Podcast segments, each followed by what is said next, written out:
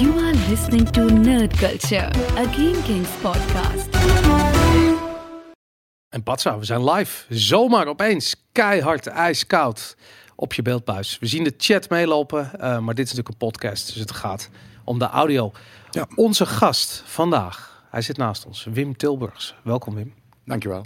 Kijk, ik ga, ik ga je even goed introduceren, want het, eh, de manier waarop we eh, eh, met elkaar in contact zijn gekomen is best wel bijzonder. Eh, dat werd opgezet door Daan de Wit, eh, een gast volgens mij twee weken geleden hier in de podcast. Vorig, ja, twee weken terug. Twee weken terug inderdaad. Daan de Wit, onderzoeksjournalist, is heel erg bezig met gezondheid. En we hadden een gesprek wat gedeeltelijk over gezondheid ging. En hij zei op een gegeven moment van, nou, ik, ik weet niet wat je aan het doen bent, maar je moet kennis maken met Wim Tilburgs. En ik zei, wie is dat dan? Hij zei van, nou, dat is een, eh, een heel bijzonder figuur die in staat is geweest om eh, eigenlijk eh, voornamelijk door eigen onderzoek eh, zijn diabetes te genezen. En zodoende op het ehm, eh, pad is gekomen van, ehm, eh, ja, van wat gezondheid is, wat balans is, ehm, maar vooral de oorzaak daarvan. Eh, en daar gaan we het nu over hebben. Eh, en dat, ja, dat is eigenlijk gewoon hoe je, ehm, hoe je in aanraking bent gekomen met, met gezondheid. Maar ja, allereerst wil, eh, Wim, eh, welkom hier. Ehm, hoe, hoe, hoe ben je begonnen? Wat, hoe ziet je levensverhaal eruit? Ehm, een spannend levensverhaal. Ja, ik ben eh, vrij jong in, in Libanon geweest Als militair? als militair. Dus ik ben veteraan. En dat maakt natuurlijk wel een eh, be- behoorlijke indruk. Je wordt heel jong, heel wijs. Ja. En dan krijg je toch daarna een soort thrill-seeking-achtig iets... dat je toch in je leven vaak een beetje avontuur zoekt. En eh, ja, dat heb ik ook gedaan. Eh, ook een tijdje in Marokko gewoond. Eh, ja, hebben ook leuke banen gehad. eh, op en af. Ja, spannend leven, maar ook niet altijd de juiste leefstijl. heel veel aan de computer zitten. op, met zaken op stap. Nachtleven. ja, Mag wat gefeest worden natuurlijk. er mag wel gefeest worden en daar hield ik ook wel van. En eh, ja, Ja. Dat, dat kost... Op een gegeven moment ga je daar een prijs voor betalen natuurlijk. Hey, en jouw ehm, ja, tijd in eh, Libanon heeft ook geleid tot PTSS. Een, eh, een stress, post-traumatic stress syndrome, ken ik het, de Engelse term. Ik weet niet of er een Nederlandse term voor is. Ehm, en dat heeft eh, eh, depressie in eh, gang gezet en uiteindelijk ook diabetes. Was dat in die volgorde of is Mm, Ja, stress is natuurlijk ook wel een, eh, een hele, is, is een killer. Ja, en als je dan een stressstoornis hebt, dan heb je natuurlijk ook eh, ja, nog meer last van stress. eh, en ja, dat is ook iets wat ik eh, achtergekomen ben in mijn, in mijn biohacking tijd, zeg maar. Toen ik ging meten dat ik bijvoorbeeld zo'n zo'n continu glucosemeter in mijn arm had. En dat ik ergens voor de eerste keer een lezing moest gaan geven. Mhm. En dan zie je je suiker omhoog gaan, alsof je een slagroomtaart eet. Terwijl, Ja. je, terwijl je gewoon helemaal niks eet, gewoon door de stress. Wow, ja, gaat dat, is dat dat effect van stress? Dus, eh, want Ja. cortisol maakt eh, adrenaline aan. Adrenaline ja. zorgt voor eh, hogere eh, is glucose aanmaak door je lever. Nou goed, ik ken, ik ken in het principe inderdaad. En wa- wat is er toen, ehm, ehm, wa- wat is er vervolgens gebeurd? Nou, in ieder geval in 2005, eh, ik had een eh, vrij zware baan als eh, ICT-consultant bij voor Exact Software. En zware dagen, veel in de file staan. En op een gegeven moment kreeg ik een totale burn-out. Ehm, en ja, die was heel zwaar. En mijn diabetes werd steeds slechter. En ja, daar heb ik echt heel lang voor nodig gehad eh, om daar weer bovenop te komen. En mijn diabetes, ik moest ook steeds meer eh, medicatie gaan gebruiken. Ik moest op een gegeven moment insuline gaan spuiten. Ja, En dan, ik had een zoon die zat dan op VBO en die zei tegen mij... als je papa, zo doorgaat, dan zie je mij niet meer afstuderen. ja, En het feit dat ik die insuline moest gaan spuiten, dat was ook echt... Ja, dat is niet fijn als je iets in je lichaam moet gaan spuiten. Dus ik ging er van alles aan doen. Ik ging naar de diëtist eh, en ik nam eh, een personal coach... zodat ik toch drie keer per week ging trainen en het, het hielp niet. nee. En kijk, nu weet je waarom het niet hielp. Maar hoe, hoe ben je op dat ogenblik... eh, hoe kijk je naar gezondheid op dat ogenblik? Wat was, jouw, wat was jouw definitie van gezondheid voordat je die, die zelfs die zoektocht begon? Dat interesseerde mij eigenlijk niet. Ik wist eigenlijk wel zo van, ja, ik heb ook gerookt gehad. Ik heb alles gedaan eigenlijk, ja, wat, wat fout was. En ik wist ook, als ik naar de dokter zou gaan, die zou zeggen, ja meneer, u moet afvallen, u moet wat, u moet wat meer gaan sporten en u, u moet stoppen met roken en Ja. noem maar op. Eh, Ja, ja, ik bedoel, je bent niet echt actief bezig met gezond, hè, met gezond, anders krijg je geen diabetes. nee. Nou ja, aan de andere kant, ik vind juist het, eh, eh, het, het, de link tussen, ehm, tussen de burn-out en diabetes heel erg interessant. Omdat die vaker voorkomt. Ik heb hem zelf bijvoorbeeld ook gehad. Ik heb een burn-out gehad en op dat ogenblik eh, eh, werd er ook diabetes vastgesteld. Dat vond ik ook zo interessant. Dat, eh, in die zin herken ik me heel erg in jouw verhaal.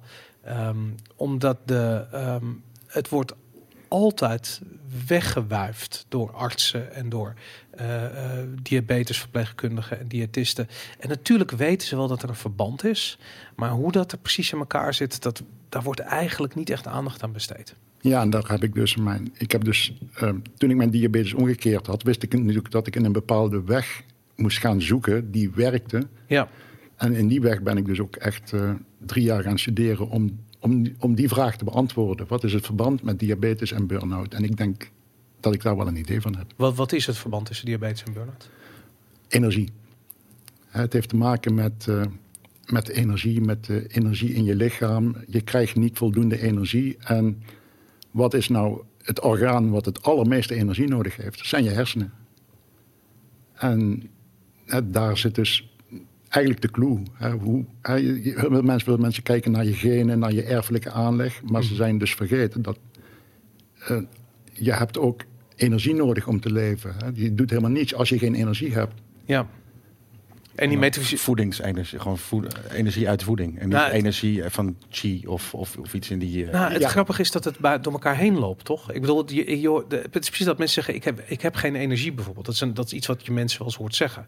Maar, maar hoe houdt dat verband met je fysiologie? Met letterlijk met de cellen, met je, met je mitochondria die energie aanmaken. We gaan gelijk al heel erg de diepte in over energie. Maar ja. ik heb precies van: fuck het, laten we het maar gewoon doen. En dat, eh, Ja, het, het is een energieprobleem. ja.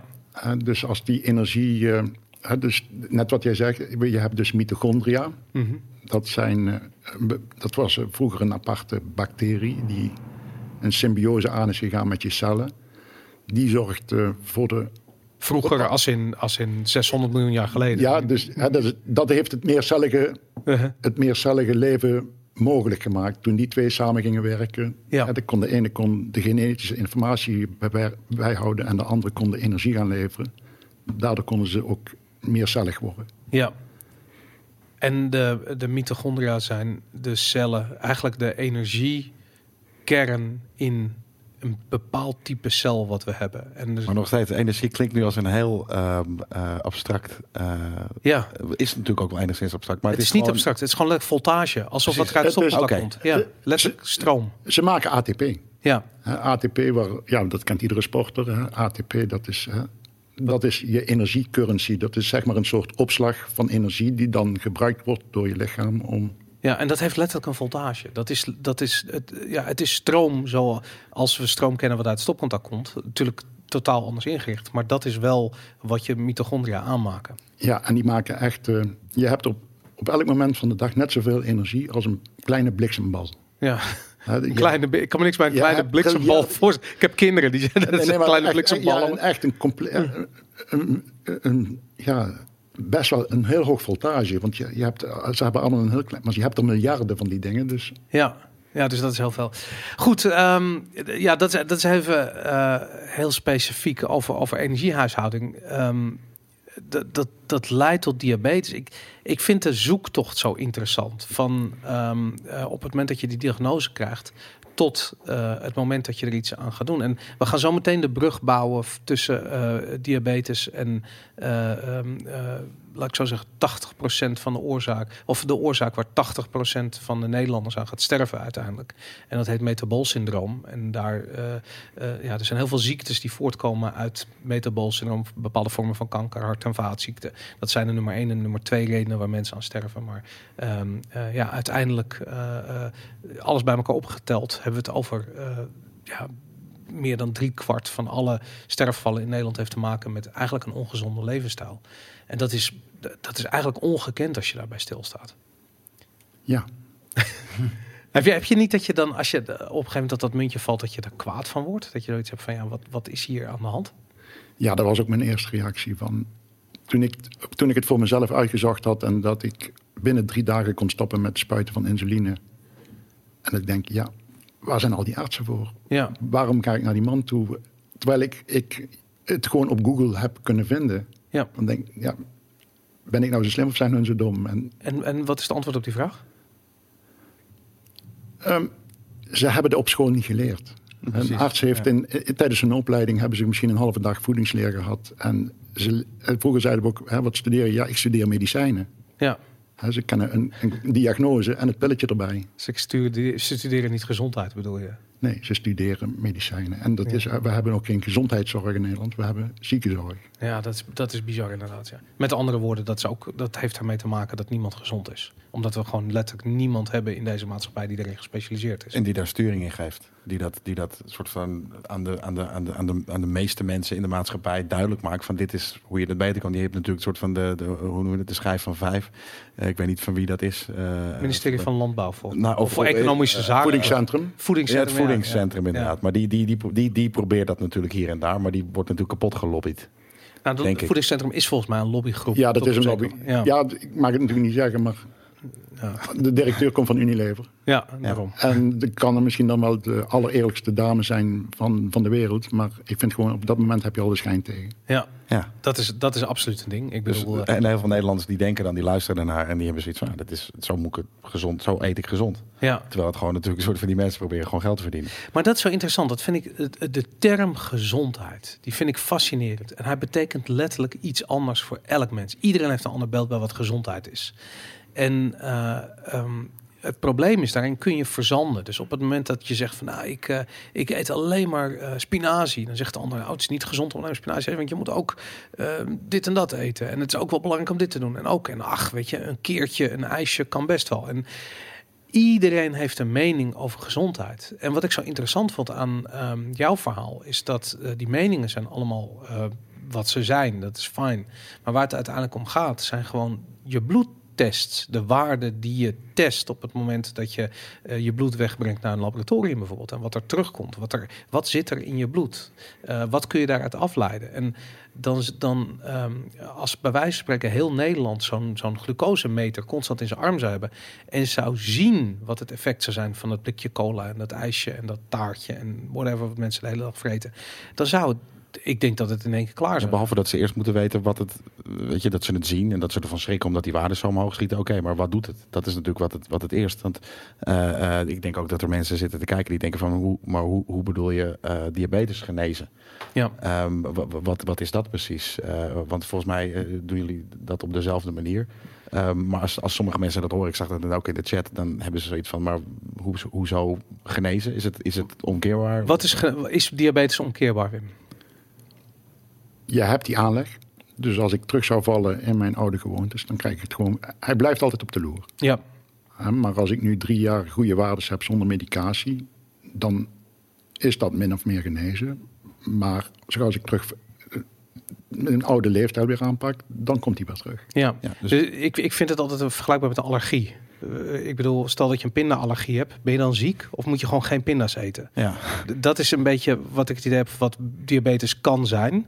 Op het moment dat je niet je levensstijl aanpast en gewoon koolhydraten eh, blijft eten, dan ben je een, een, een, word je een patiënt. Want dan ben je iemand met een allergische reactie op, op koolhydraten. Net zoals je een, iemand met een allergische reactie op pinda's hebt. Maar op het moment dat een, iemand die allergisch is voor pinda's, die geen pinda's eet, dan is het niet meer een patiënt. Nee. En hetzelfde geldt eigenlijk voor, voor diabetespatiënten. Op het moment dat die eh, stoppen met koolhydraten eten.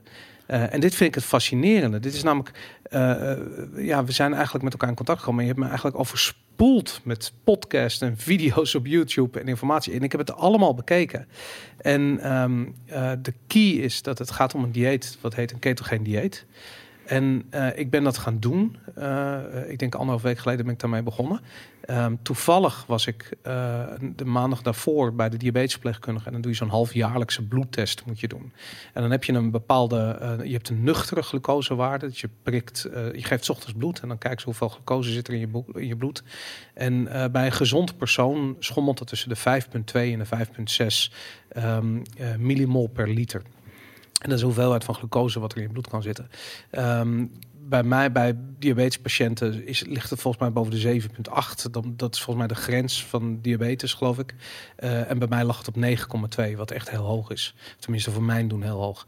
En ik, ze- de diabetesverpleegkundige zei tegen me van... Ja, je moet meer eh, medicijnen gaan gebruiken nu. En ik had zoiets van, fuck it, ik heb er helemaal geen zin in. En dat, liep, dat viel samen met dat ik eh, in contact kwam met jou... en dat je me die links gaf. En ik had zoiets van, nou, ik ga dit, ik ga dit ketogeen dieet proberen. En ik ben dat vervolgens anderhalve week aan het doen. En binnen drie dagen zit mijn nuchtere glucose gewoon op 5,6. Ja, want dat Gewoon- blijf je natuurlijk nu testen. Dus je kan het nu blijven monitoren. Anderhalve week is natuurlijk kort. Ja, maar het, wacht, Maar- dat was drie dagen. Ja. Het was in drie dagen wa- was het, eh, eh, eh, het, het, laat ik zeggen, het meetbare probleem van diabetes. Als ik op dat ogenblik met een arts mijn bloed had gegeven, dan had hij gezegd: je hebt geen diabetes. Ja, precies. Want ik heb Ja. niet een waarde die hoort bij een be- diabetespatiënt. Ja. En dat vond ik. En ik, ik had zoiets van: dit is insane. Weet je, ik Maar, bedoel, maar het kan natuurlijk ook, dat kan ook, natuurlijk, waarschijnlijk komt het door het, het, het, het- die aanpassing in je eetpatroon, maar komt het niet ook doordat je bijvoorbeeld, weet ik veel, het is weekend geweest of dit of dat. Weet je, het kan natuurlijk ook binnen die drie dagen door iets anders komen dan alleen Nee. je eten. Nee, da- nee, omdat ik al, ik heb al vijf of zes jaar diabetes, dus ik weet heel goed hoe, hoe mijn waardes liggen. En die Ja, gaan, die gaan Dus niet zomaar. je ook gewoon meten. Dus daarom kan je inderdaad zien van dit is inderdaad in principe pretty shocking dat het inderdaad ineens weer zoveel naar beneden Het is, me nog, het is nog nooit gebeurd. Het is insane, letterlijk. Dat, en, ik, en ik had toen echt zoiets van, ja, dit, dit is bizar. Maar en, hoe, hoe, hoe is dat voor jou? Wat, hoe, hoe- Bij mij is hetzelfde gebeurd. ja, Ik kon dus ook binnen twee dagen stoppen met insuline spuiten. En ik moest echt heel veel insuline spuiten. Ja, En ik heb dus ook nu een... een ik ben mensen aan het helpen via Facebook. ja, Ik heb een, een Facebookgroep waar een paar honderd, een vier, vijfhonderd mensen met diabetes in zitten. En waarvan ik gewoon bijna dagelijks merk dat mensen dit hetzelfde meemaken. Ja. Het is, niet, het is geen toeval. Het is, dit werkt gewoon zo. ja. En ja, er zijn, er zijn heel veel verschillende kanten die, die ik op wil met het gesprek. Maar wat, wat, laat ik zo zeggen, waarom hoor ik dit niet van mijn huisarts? Waarom hoor ik dat niet van de internist? Waarom hoor ik het niet van de diabetes? Waarom kunnen we die me niet vertellen, gaan ketogeen dieet volgen? Omdat sowieso het, het ketogeen dieet... Nu begint low carb een beetje in te burgeren. Maar ketogeen is, is nog vrij, een vrij groot taboe op. Ja, kun je je vertellen wat ketogeen is? Ketogeen is een, een dieet waarin je bepaalde. Het is een, ja, een fasting mimicking diet. Het, het komt eigenlijk uit, uit, de, uit de historie, uit de prehistorie. Dat als je bijvoorbeeld in een sneeuwstorm, hè, je bent in een, een primitief volk, je zit in een sneeuwstorm en je hebt een paar dagen niet te eten. Op dat moment spreek je dus je, vetreserves aan. Als je vetten verbrandt in je lever komt er als bijproduct, dat noemen ze dan een, de ketonen vrij. Die komen vrij bij de oxidatie van vetten. En het is dus gebleken dat die ketonen kunnen de glucose in de hersenen vervangen. Heel veel mensen dachten dat, dat je minimaal 150 gram glucose per dag voor je hersenen nodig had. Maar dan blijkt dat driekwart van die glucose vervangen kunnen worden door ketonen. Ja, En als je een ketogeen dieet doet, dan wil je in feite, dan ga je dus de koolhydraten beperken tot ongeveer 30 gram per dag. Je zet je, je eiwitten ook ja, niet te hoog. Want eiwitten eh, worden door je lever ook omgezet naar glucose. Ja, je, je, je moet Dat is iets ei- wat ik niet wist overigens, voordat ik hier begon. Nee. Ik vond het insane. Ik had Ja. zoiets van, waar heb je het over? Ja. Ik wist dat ik namelijk veel eh, proteïne moest nemen, eh, vooral bij het sporten, om mijn koolhydraten die ik niet meer had op te vangen. Maar dat, dat is onzin dus. Ja, als je sport natuurlijk moet je wat, wat meer eiwitten hebben, maar je wil niet te veel eiwitten hebben, want dan, dan, ben je niet, dan is het niet meer een ketogeen dieet. Ja. Er, er zijn wel hele, hele discussies over, over die aantallen eiwitten, maar het, het pure ketogeen dieet is ongeveer 20% eiwitten. Oké. Liefst in grammen, dat, dat je zegt bijvoorbeeld eh, 100 gram per dag of 90 gram per dag. En de rest moet je dan halen uit vetten. Ja. En De, de- met de rest bedoel dus, dat is de rest van je energie, de ja, rest dat van dus je... 75 of ze- 70 procent van al je eh calorieinname komt uit vet. Ja, Dat, En dan ook nog- dat klinkt bizar voor heel veel mensen zullen stijl achterover natuurlijk Ja. vallen. Van hoezo, maar van vet word je toch dik. Maar dat is natuurlijk wat heel veel denken, eh, veel mensen denken. Maar ehm, in, in dit geval is de theorie dat het niet zo is. Ja. ja want, dat, want ik, was, ik was dus dik. Ik, ik woog 125 kilo. En ik ben in vijf maanden tijd 40 kilo afgevallen. Ja. En de eerste maand verloor ik 10 kilo. Maar je kan je natuurlijk zeggen ook, is dat gezond? Ik denk, denk ook, ook dat er heel veel mensen zijn die hebben zoiets van, heb, maar heb je geen. Maar wat ga je weer? Dat woord gezond is zo ontzettend. Ja, ja, zoveel Ja, betekenis. En je krijgt dan meteen, oh ja, je zult wel aan, nu al aan je hart hebben. Ja. En hoe is het met je cholesterol? Dat is dan de tweede vraag. Ja. En eh, dat zie je dus ook bij heel veel van die zorgverleners zeggen. Ja, maar dit kan niet. Ik- Ja. Want eh, ook de vetten die ik nam, dat is eh roomboter. Ja. Dat, zijn, dat is kokosolie. Dus eigenlijk de, de verboden vetten. Dus Ja. tegen het voedingscentrum in. ja. Ja. Ja, ik, ik, ik, ik kan me niet. Ik ben opgegroeid met de gedachte dat je van vet eten dik wordt. Dus ik vond het bizar om te horen dat vet eten gewoon heel erg gezond is. En vooral de, eh, de schaamteloosheid van bijvoorbeeld. En, en ik ik moet je eerlijk zeggen, ik ben het gewoon gaan waarderen in de halve week. Als je een kop koffie drinkt, dat je daar gewoon een, een, een flinke theelepel roomboter in doet. En het bizar is dat het echt ontzettend. Want ik bedoel, Ja, koffiemelk dat. is hetzelfde. Ik Ja. zie toevallig hier eh, Kit eh, Ja. en wat dan ook in de, in, de, in de chat dat zeggen. Ja, nee, maar de- en dat is, dat is fantastisch. En ik hoorde iemand anders zeggen van ja, als je groente eet, waarom zou je er geen boter overheen? Want het is hartstikke lekker. En het bizar is wat ik zelf merk, is dat doordat ik veel meer vet ben gaan eten, ik minder honger heb. En dat dus de, de, eh, de eh, eh, hoe noem je dat? Ik, ik kan bij wijze van spreken, toen ik nog koolhydraten had, ik kon, ik kon vijf boterhammen eten en honger hebben. Terwijl als ik een klontje boter eet, heb ik zoiets van, nou, dat is genoeg. Of, een Ja, maar ik- een ik- lepel pindakaas of zoiets. Ik heb dat dus niet. Zeg maar, ik, ik heb ook al, al vaker low carb, nou ja, niet eens echt diëten gedaan, maar gewoon dat gegeten. Gewoon omdat ik dacht van, nou weet je, ik heb inderdaad, ik zit de hele dag op mijn kont, niks te doen. Dus ik heb helemaal niet veel brandstof nodig. Anders dan slip ik inderdaad straks echt dicht en wat dan ook. En nu heb ik zoiets van, nou, ik ben nu benieuwd wat het doet. Dus ik ben nu ook een maand aan het doen. Of ik ben het niet alle maand aan het doen, maar ik doe het toevallig deze maand. Ehm, maar ik heb nog steeds honger de hele tijd. En, Hoe zou ja. het kunnen komen, Wim? Hij is ook niet in ketose, denk ik. Nee, je bent niet in katose. Nee, dat- dat je doet het niet Ja, fanatiek precies. genoeg. Ja. Ja, nou, ik doe het wel fanatiek hoor. Ik, ik, ik hou het ook wel echt bij. En, en, wat, en soms ga ik net over de 30 gram en soms zit ik eronder en, en wat dan ook. Maar eh, het zou goed kunnen hoor, dat ik dan inderdaad nog niet in ketose ben. Het is ook pas een dag of vijf of wat dan ook. Dus dat, eh, Ja. maar het was niet al na drie dagen dat ik veranderd was. Maar ik vind dat dus dat proces van ketose, dat is nieuw voor me. En dat betekent dus op een gegeven moment je lichaam schakelt letterlijk over van koolhydraatverbranding naar vetverbranding. Eh, dat je voelt dat, je merkt het. Je krijgt bijvoorbeeld, je gaat meer zweten, je gaat meer plassen, je raakt veel vocht kwijt. Je krijgt hoofdpijn omdat je wat zouten tekort kwam, leerde ik. Omdat dat, dat noemen ze de keto flu of de, Ja. de keto griep eigenlijk. ik eh, heb ik dat inderdaad ook bijvoorbeeld dat ik wat minder slaap erdoor. Dat eh, eh, wat minder relaxed. En jij zegt van ik slaap juist als een roos. Ja, behalve dat als ik, want ik heb ook een ketonemeter gekocht. En dat is een, een metertje, je prikt eh, een druppel bloed in je vinger en dat hou je tegen een, eh, eh, een stripje aan wat in een sensor zit en die geeft dan een bepaalde waarde. Mijn hoogste waarde waar ik tot nu toe op uit ben gekomen is 1. Ehm, eh, dus dat is 1 millimol per liter bloed. ehm, ja, aan ketonen. En dat is, eh, ja, ik, ik was niet heel erg onder de indruk. Ik had echt zoiets van, nou, ik hoor Wim zeggen dat eh 4 en 5 haalbaar is. Ja, maar dat, toen heb ik wel heel erg mijn best gedaan. Waar, waar zit, wat is dan je best doen? Waar, waar, waar zit dat in? Dan ga je ook eh, behoorlijk eh, minder in calorieën Ja, en ook eh, veel bewegen. Maar dat is natuurlijk ook eigenlijk een afvalding dan. Het is niet per se nodig voor iedereen waarschijnlijk die dat... Die, die, die eh, een Ja. dieet doet. Ja, Ja. Je, je ziet heel veel. eh, je hebt twee kampen af en toe. Hè. Dan zeg je een low carb kamp en het zeggen van calories in, calories out. Eh, hè, je- Ja. En ik heb het gewoon allebei gedaan. Ik ben echt low eh, keto gegaan. Ik heb ook mijn calorieën verminderd. Maar dankzij het ketogeen dieet Mhm. kon ik, was ik ook verzadigder en was het ook makkelijker voor mij om die calorieën te verminderen. ja. Hey, en, en dan nog eventjes het grotere plaatje. Ik, ik bedoel, een, een, een, een, een ketogeen dieet. eh, je, je, zo, je hebt samengewerkt met, eh, eh, met een aantal artsen, waaronder Hanno Pijl van het LUMC. Die heeft zelfs een hele ja, bijna studieafdeling opgezet om te kijken hoe lifestyle changes kunnen leiden tot gezondheid, tot verbetering van, van, van ziektes en, en misschien zelfs genezing van ziektes. Hoe- wat voor reacties krijg je? Hoe, wat, wat, wat ben je nu aan het doen? Nou ja, kijk, Hanno Peil is natuurlijk wel voor mij heel erg belangrijk geweest. Ik geef eh, lezingen samen met hem. En ze hebben nu recentelijk de, overeenkomst getekend eh, samen met TNO. En hebben ze het Nederlands Instituut voor Leefstijl, nee, het Nederlands Innovatiecentrum voor Leefstijlgeneeskunde opgericht. Oké.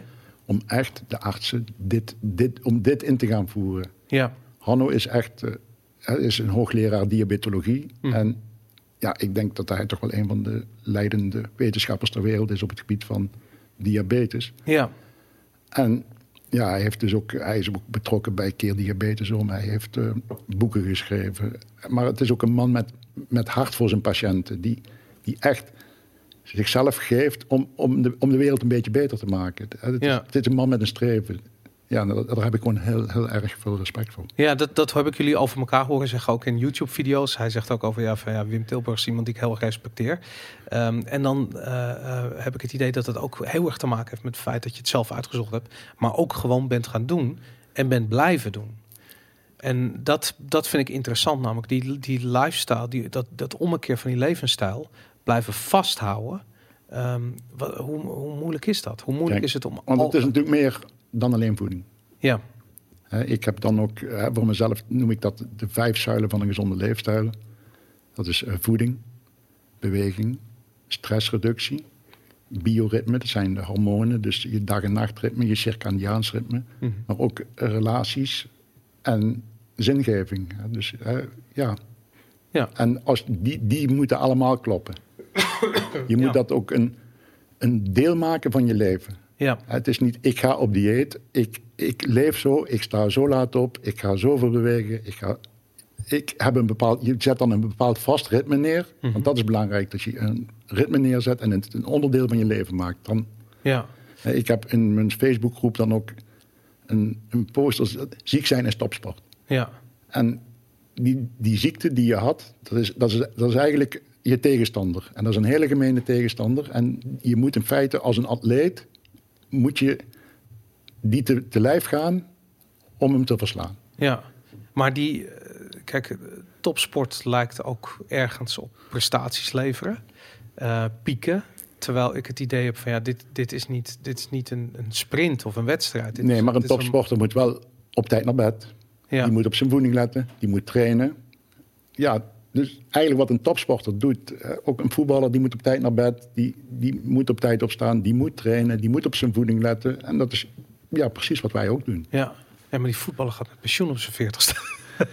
dit is de rest eh, van jouw leven en ook mijn leven overigens. Maar, Maar, het is, maar als je het ook een onderdeel van je leven maakt, is het geen straf. Hè? Nee, daarom inderdaad. Ja, nee, dat, zo, zo, zo hoop ik het ook te ervaren. Ik weet het nog niet helemaal, maar ik hoop, ik hoop dat ik dat, dat op die manier ga ervaren inderdaad. Ja. Ik zie wat eh, vragen uit de chat ook. Die vragen van, heeft dit ook eh, een weerslag op diabetes type 1?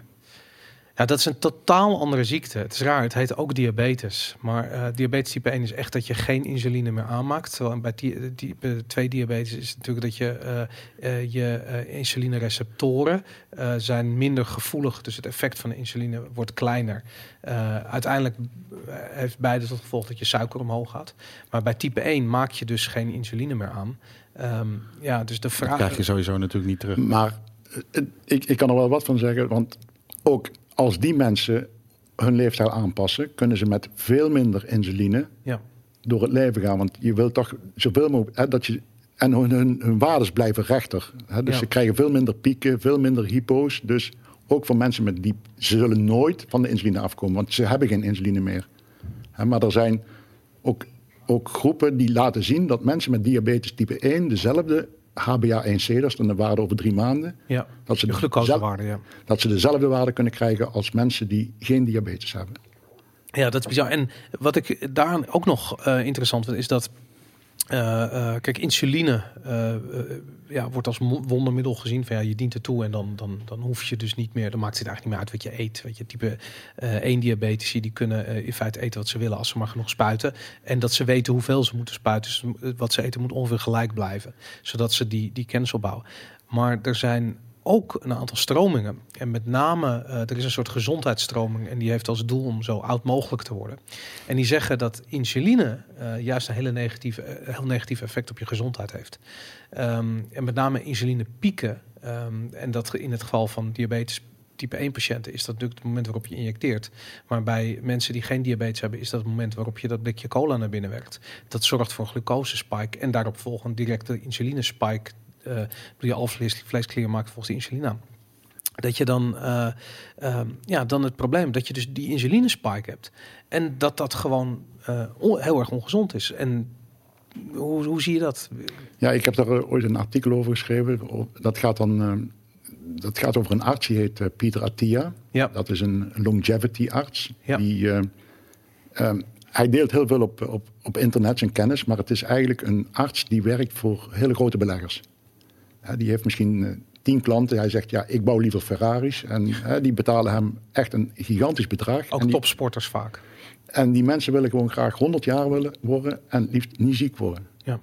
Dus ik heb daar een artikel over geschreven en die heeft dan over, hè, over hoe je moet sporten, hè, allerlei, hè, over cognitief. eh, en een van de dingen over voeding zegt hij, ja, hoeveel koolhydraten? Ja, dat kan ik niet zeggen. Dat ligt eraan, hoe is je tolerantie? Maar wat je moet zorgen is dat je glucoselijn recht blijft en dat je je area under de curve van insuline, dat je met weinig insuline een mooie rechte lijn hebt. Ja. En afhankelijk daarvan kun jij bepalen hoeveel koolhydraten je zou moeten hebben. En in het geval als jij een diabetes bent, dan zijn het er niet veel. Maar, Nee. maar een gezond jong iemand die flink sport, die kan best wel veel hebben. Ja.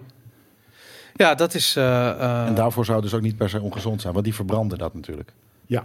Precies. En dat is natuurlijk het andere ding, is dat inderdaad, ik zie mensen dat ook zeggen, maar je hebt toch koolhydraten nodig, of ik zie, ook mensen zeggen voor hormonen of wat dan ook, maar voor verbranding, eh, voor dat soort dingen. Maar het idee is dus eigenlijk dat je dat misschien wel helemaal niet nodig hebt. Nee, dat- Glucose, maar dat dus ketonen zouden zijn. Ja, dat is natuurlijk de, de gangbare gedachte van je hebt koolhydraten nodig. En hoe vaak ik dat niet gehoord heb in de sportschool van sporters, weet ik van je hebt eh, koolhydraten nodig. Ja, maar dat is, dat is hun waarheid. En dit is natuurlijk de waarheid die jullie nu eh, verkondigen, is dat je dat niet nodig hebt. Ja, en, eh, w- w- wat kun je me over koolhydraten vertellen? Wat ben, je- ben je het daarmee eens dat je koolhydraten niet nodig hebt als mens?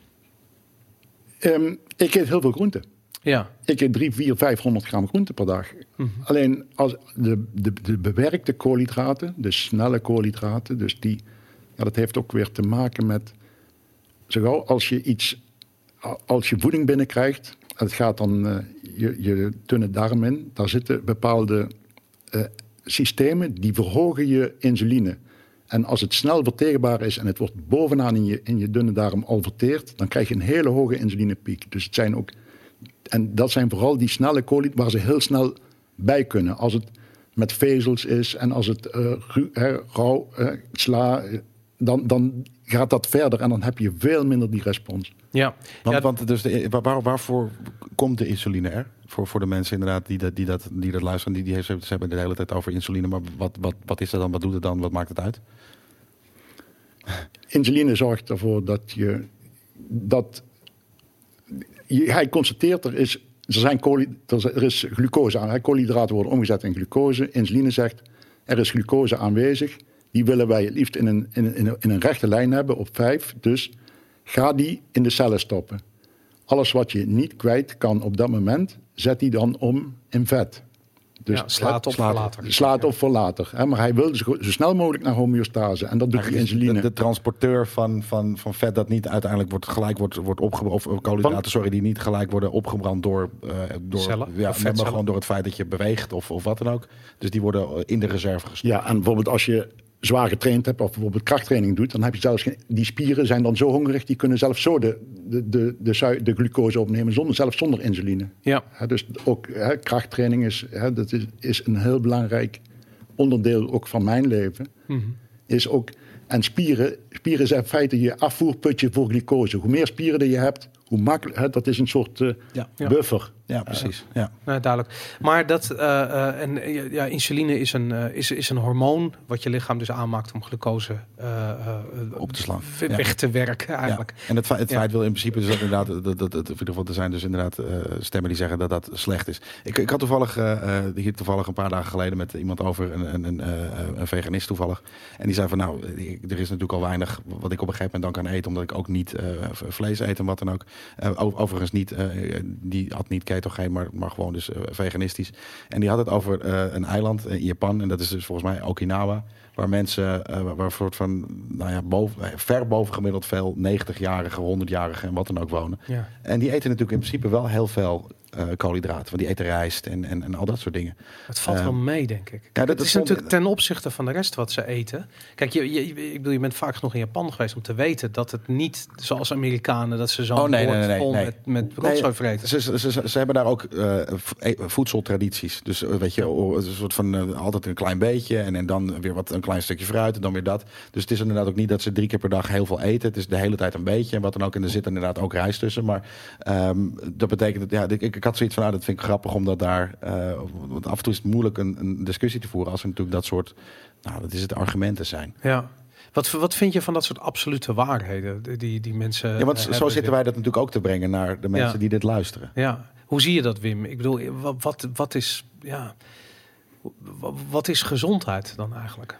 Ehm, die Pieter Attia, die, die doet ook, hè, die noemen ze dan reversed engineering. Want ja, je kan niet een baby pakken en dan kijken en hem dan 100 jaar volgen. En dan kijken, deze geef ik slecht eten en die. En wie wordt er nou 100 en wie niet. Ja. Dus wat gaan ze doen? Ze gaan dus kijken bij- in de zogenaamde blue zones. Ja, precies. Waarom mensen 100 jaar worden. Want dat is eigenlijk wat je wil weten. En dan blijkt het, die mensen zijn hele leven actief. Ehm, ik ben zelf nu bezig om eh, een project op te zetten voor Marokkaanse mensen.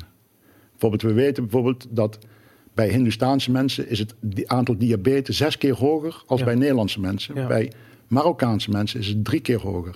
Oké. Ehm, ik heb zelf in Marokko gewoond. Mijn vrouw is Marokkaanse. En mijn schoonvader is 93. Ja. En die werkt op het platteland en die staat met zijn 93 gewoon nog. Hè, daar hebben we dus ook een filmpje van gemaakt. Wij noemen dat dan Blue Zone Marokko. Het is heel die. Als die mensen hun traditionele voeding hebben, ook, hè, de, Maro- die mensen die zijn niet ziek. Nee. En dat is ook eh, wat, Daan op een gegeven moment, hè, die oudste kennis eh, van Weston A. Price, waar Daan het over had. Ja. Dat is die oudste kennis. Die mensen eten puur natuur, biologisch. En ze zijn de hele dag in beweging. Ja. En dus ook als ze eten, ze zitten in een hele grote groep. Het is sociaal. Ze zitten niet voor de tv te eten. Ze zijn mindful. Hè. Het- eten is een feest. En, en dat zijn hele belangrijke punten. Ja. Maar, maar ehm, je, je- je zegt eigenlijk al, het is dus niet één factor. Het is niet één trucje wat je uithaalt. Het is iets anders. Het, het zit hem in, in, in, in, in- ja, je zei net al die vijf zuilen. Het zit hem in al die dingen. Ja. Maar, en, maar waarom hebben, eh, bij wijze van spreken, traditionele culturen of eh, bij wijze van spreken boerengeneraties in Marokko dat wel? En op het moment dat Marokkanen in Nederland komen, hebben ze drie keer meer diabetes dan wij. Waar, waar zit hem dat in? Unilever. Die, die hebben een, de, de korte lijn de de chips, Marokkaanse de, gemeenschap. de Red Bull, de, Ja. hè, de, de snelle verteerbare voeding. Dus, Ja. hè, en dan daarbij komt dan nog stress. Mhm. Want in feite, glucose is een, is een turbobrandstof. Ja, Ehm, elke onderwijzeres die kan jou vertellen op school... geef een tractatie vlak voor de pauze, want ze hangen allemaal op het plafond. ja, ja, tuurlijk. Hè, die kinderen, zoals die, die suiker binnenkrijgen, die worden druk. Ja, Dus, de suiker is eigenlijk een hele goede effect, is, is turbobrandstof. ja, En dus jij zit met die suiker in turbomode. Dan gaat die, die, die mail gaat af, je zit in de file. Je, sta- je bent continu in turbomode.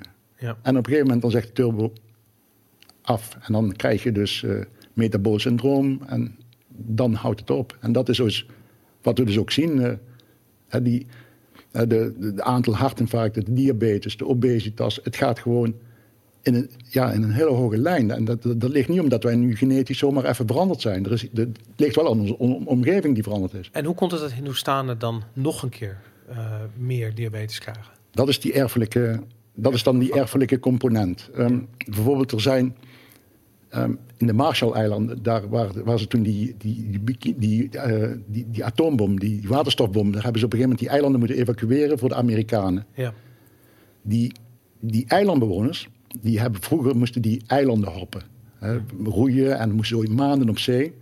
En dan vonden ze ooit geen land. Dus wat kregen die? Die kregen een soort natuurlijke selectie. De dikkere mensen, die overleefden. Want Ja. die hadden meer reserves. Dus hun hebben een soort selectie gemaakt op overgewicht. Dat waren dan de sterkste overlevers. Nu zij krijgen die mensen Amerikaans voedsel. Is 70% van die mensen is diabetes. Ja, Daar, doen, daar, doen, daar doen die, die klinieken doen niets anders dan mensen de voeten afkappen. ja, ja. Dat is echt helemaal verschrikkelijk wat daar gebeurt. En Ja. zie je, ja, kijk, die- bijverschijnsel ja, van, van diabetes natuurlijk. Dat je tenen of, of voeten... Ja, ja, dat- amputeren, ja. Je wordt blind, dat soort Ja. dingen. Ja. ja. Maar ik weet, ik weet dat hetzelfde met eh, Aboriginals in Australië aan Het de is heel hand is. Polynesië. Is dat, maar, maar, dat is dus wat Daan zei. Die, die, die, die Weston A. Price, die is toen bij al die landen wezen kijken. En die, ook bij Eskimo. En het maakte dan eigenlijk niet zoveel uit wat ze dan aan de ene. Hè, maar het was allemaal natuurlijk. En het was, hè, het, het was zo gauw als ze dan voorbij een handelspost kwamen. Dan zag je gewoon die mensen, die tanden werden slecht. Die gebitten, hè, en dan zag je gewoon binnen een generatie degenereerde die. Ja. En, en dat is ook wat, het, wat Daan schrijft in zijn boek. Ja, ja dat, het is bizar dat, die, ehm, eh, dat, dat het effect van voeding zo ontzettend groot is. En ik bedoel, het, is een, het, is, het is gewoon een cliché, weet je. Ik bedoel, de, eh, ehm, eh, de, de, de, de oude Grieken zeiden al volgens mij... eh, laat voedsel uw medicijn zijn of iets. Ik, wie zei dat? Hippocrates. Hippocrates. Ja, de, ik wou niet zeggen, maar het in de eet van Hippocrates natuurlijk. Ja. Ja. Hij zei het al. En ehm, het is een, het, het is wel in die zin is het ook een vreselijk cliché. Maar als ik dan eh, vervolgens, eh, weet ik veel, eh, een of andere talkshow op tv zie en ik hoor een of andere lulde behanger die, die voor een, een of andere consumentenorganisatie of een of andere lobbygroep aan het zeggen is van ja, maar je mag best wel een ijsje op een dag of je mag best wel dit of je mag best wel dat. En ik heb precies van begin nou eens een keertje met gezond Mag- mag eten. ook wel, maar- Het, maar dat, Ja. kijk, begin nou met gezond. Ik wil mensen vreten al de hele dag door rotzooi. Laat ze eens een keertje beginnen met gezond te eten. En dan na te gaan denken op wat er allemaal mogelijk is. Maar niet andersom, weet je. Ik bedoel, gezond eten is nu de uitzondering die je doet. Zoals je vroeger wel eens een ijsje had. Zo eet je nu wel eens een keer een, een, een broccoli of zo, weet je. Ik bedoel, het is echt zeldzaam, heb ik het idee. Zie je dat ook? Ja, het is, het is ook, heel veel mensen kunnen niet meer koken. Ja. En ook ze hebben de tijd niet meer om te koken. Hè. Ze noemen dat hè, koken met de schaar. Hè, met, in de magnetron eh 10 minuten. En ja, Ja. Dat, dat kan niet meer als je real food. Want dat is, dat is waar wij voor staan. Voor real food. Ja. En dan moet je, hè, maar ook bijvoorbeeld, kijk, wat zit er bijvoorbeeld in de pakketten van de voedselbank? Mhm. Brood, brood, brood en nog En, een. en, en, en pakjes. En, Ja. en als er een keer een, een spitskool in zit, dan weten mensen niet hoe ze hem klaar moeten maken. Nee, natuurlijk, ja. Ja, het is interessant. Ik moet zeggen, ik hou zelf erg van koken. En dat, dat helpt me in dat keto-proces. Eh, kijk, ik ben al gewend om koolhydraten te tellen. Eh, niet omdat ik dat dagelijks deed, maar omdat ik dat ooit een keertje een jaar lang heb gedaan. Ehm, en daarom is het, was het redelijk makkelijk voor me om eh, eigenlijk die koolhydraten terug te schroeven. Ik vind proteïne, vetten tellen vind ik weer veel moeilijker, omdat ik dat gewoon nooit eerder gedaan heb. Dus dat, dat kost best wel wat tijd voordat je eh, eh, eigenlijk Ja, maar daar heb je apps voor. Hè? Die, die doet dat in één keer. Hè? ja, maar ik vind toch het invullen van die apps, dat vind ik ingewikkeld. Want ik bedoel, Kost tijd. nou, maar ook de hoeveelheid inschatten. Dus ik bedoel, je, je kijkt op een je kijkt gewoon van oké, deze aubergine die weegt, weet ik veel, 300, 300 gram. gram, ja. Nou, je weet, hij per 100 gram heeft hij deze voedingswaarde. En ik snij hem door, eh, ik snij er een plak af en dan moet ik raden hoe, hoe, zwaar dat is. Ja. En ja, als je gewoon een weegschaaltje altijd bij de hand hebt. Ja, ik, heb- ik heb dat moeten doen in het begin. Tuurlijk, ja. Dus, ik heb echt alles moeten wegen. En het Ja. was echt een heel proces. En dat, dat is ook niet fijn. eh. nee. Maar ehm, ik ben op een gegeven moment ook eens een, een, een, een, eh, een studie gaan doen bij bodybuilders. Ja, Hè, om te kijken van, ja, want die mensen hebben wel verstand van, want je wil niet afvallen, je wil, je wil vet verliezen en je spieren behouden of vergroten. Nou, als er iemand verstand daarvan heeft, dan zijn het mensen, zijn het de bodybuilders. ja, En ook die, als die zich voor een wedstrijd, die moeten gewoon alles registreren. oké. En als je dan op een gegeven moment een aantal, hè, een modelmaal, dan weet je ongeveer wel, als ik dit eet, dan heb je een aantal maaltijden Ja. die je dan geregistreerd hebt, die je helemaal uitgerekend hebt. En dan kun je, eh, het, het libidum noemen ze dat dan, libidum diëten. Maar ook voor een bodybuilder is, is het echt essentieel dat ze registreren. Ja. Dat is ook dat stukje topsport. Dat is de straf. dat, dat je diabetes bent, eh, ja, hè, meten is, we- meten is, we- het is ook een stukje biohacking. Ja, Hè, al, je moet alles meten, registreren, stappentellers. eh, ja. Ketonen meten. Nou, ik, ik, ik moet je zeggen, ik blijf erbij. Hij zit, maar ik, ik, mijn meter zit hierin. Hè. Dit is een, eh, dit, dit is een eh, soort, eh, dit is een typische diabetesmeter. Dat, eh, ja, god, het is een klein zwart eh, eh, kastje. eh. Je zou het even meten, toch? oh ja, ik, ik, ga, ik, ik zal even mijn glucose live meten. Maar om maar even te zeggen, dit ding kost 11 euro. Het kost Oh. 11 euro om een, om een eh, eh, eh, glucosemeter te kopen. En dat is namelijk ook voor mensen die, geen, die niet eh eh gediagnose... Wat is het? Iedereen kan, dit kan je gewoon kopen. Precies. En eh, eh, de, de, eh, hoe heet het, de, de stripjes, voor 100 stripjes om je glucose te meten, kost volgens mij 15 euro. Nou, daar doe je echt een eeuwigheid mee. En er zit een prikkertje bij, alles. Nou goed, dat, dat is er gewoon. En de ketonemeter, dan moet ik zeggen, je hebt ook, ik heb ook nog een ketonemeter, die ook een glucosemeter is. Dus ik heb eigenlijk dubbele glucosemeters. En die ketonemeter, die kosten eh, 25 euro volgens mij. En de stripjes zijn daar wel wat Die duurder. zijn, die zijn best wel duur. Ja, 25 euro voor 10 dacht ik zoiets. Dus Ja, dat kost ongeveer inderdaad 2 euro, 2,50 euro per. maar goed, het, ik had zoiets van ja, ik doe dat omdat ik, ik wil leren wanneer ik in ketose ben, hoe dat voelt. En dat is namelijk het ding. Op een gegeven moment, als je het weet, dan voel je het. Dan hoef je niet meer te meten. En dan weet je het gewoon. Ik bedoel, als ik op een gegeven moment, als mijn suiker omhoog gaat, dat voel je vreselijk. Als het omlaag gaat, voel je het ook. En dat, dat duurde even voordat ik wist welk gevoel hoorde bij schommelingen in suiker. En dat vind ik het interessant sinds ik dat dieet doe. Ik, ik, ik heb geen schommelingen meer. Ik bedoel, ik heb nu, ehm, eh, ik denk dat we nu, eh, ja, we zijn nu drie kwartier aan het, ehm, eh, aan het opnemen. Ehm, deze podcast aan het doen. Ik heb, eh, denk ik, een 20 minuten voordat we begonnen, eh, heb ik gegeten, heb ik avond gegeten.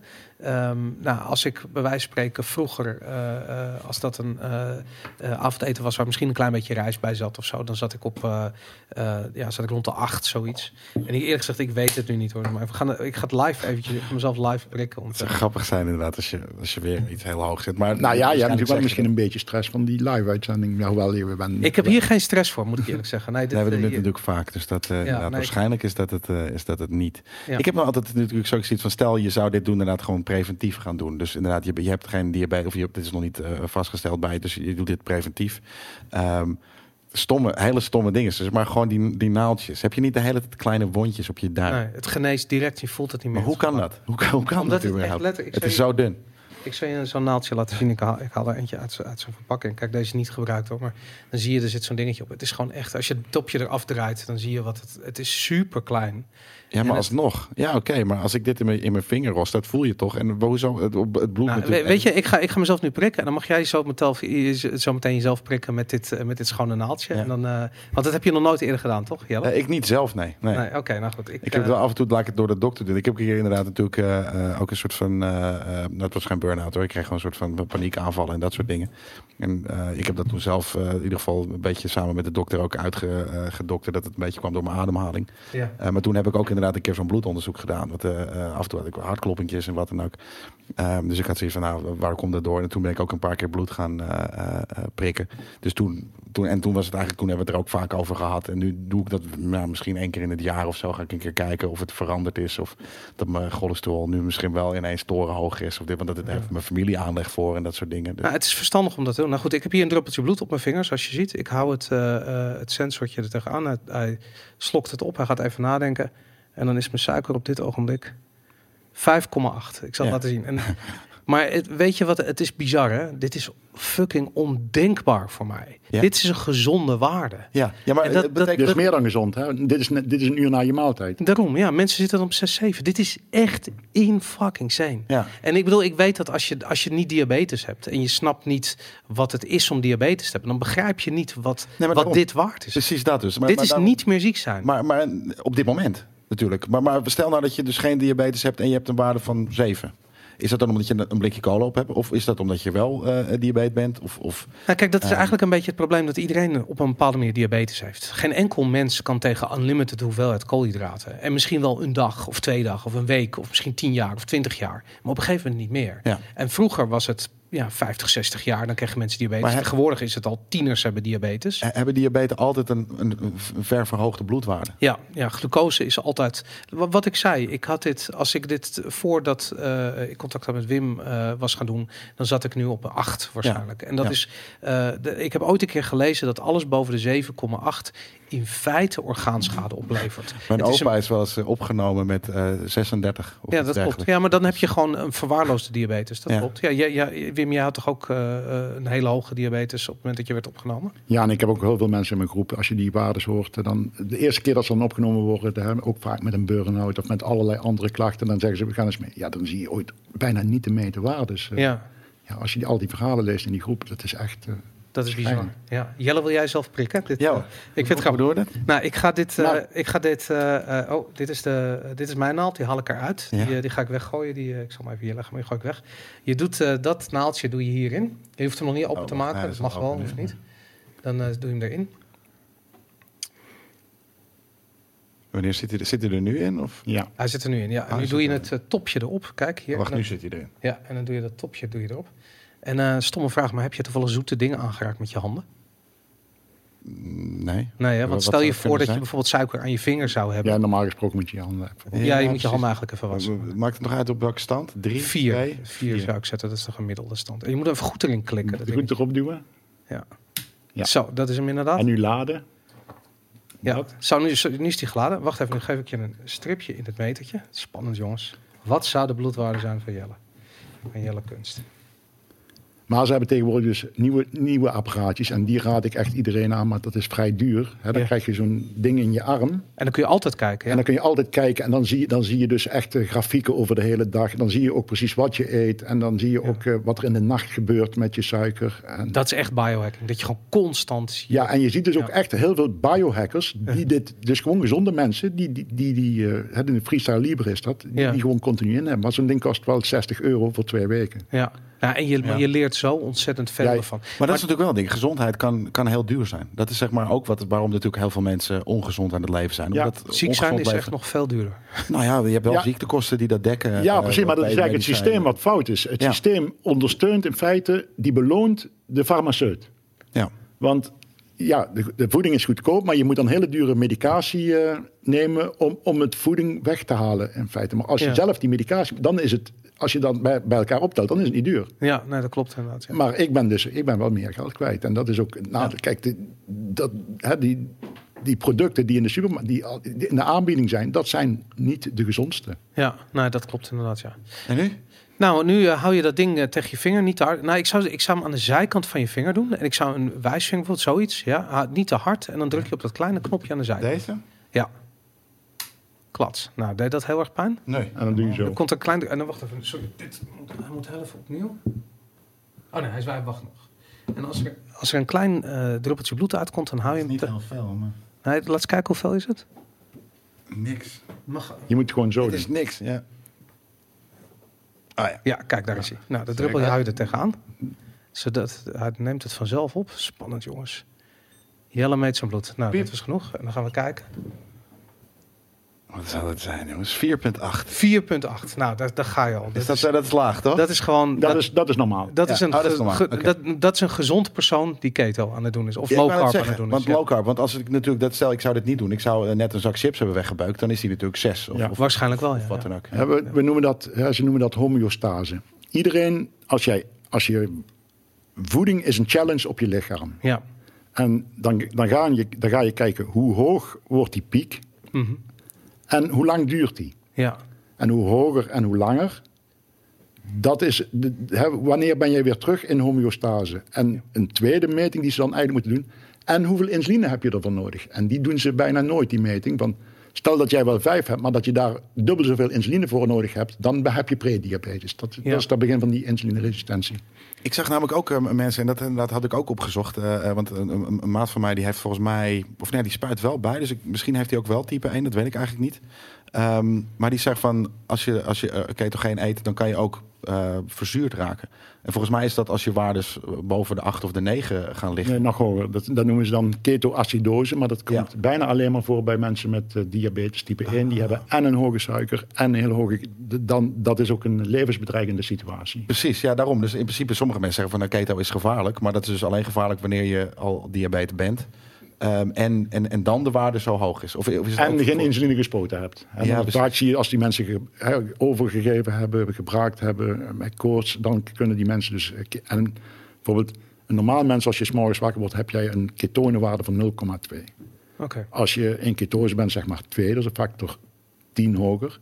Maar ketoacidose, dan zit je bijna op de 20. Dus dat is nog een factor 10 hoger. Hè? Dus, en dat dat zijn is echt die- daar kun je niet aankomen met een ketogeen dieet. Dan kun je maximaal naar 6. Ja, precies. Dat, dat Oh, ben je, dat is, dan ben je al, dan noemen ze dan de vaste.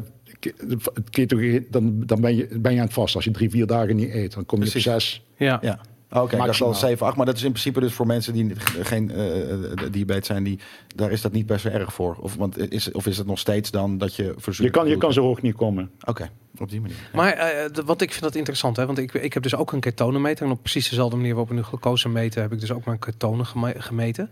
En dan zat ik dus ochtends eh, vroeg, eh, ik heb het twee keer gedaan. Ik, ik heb hem pas net binnen, die meter.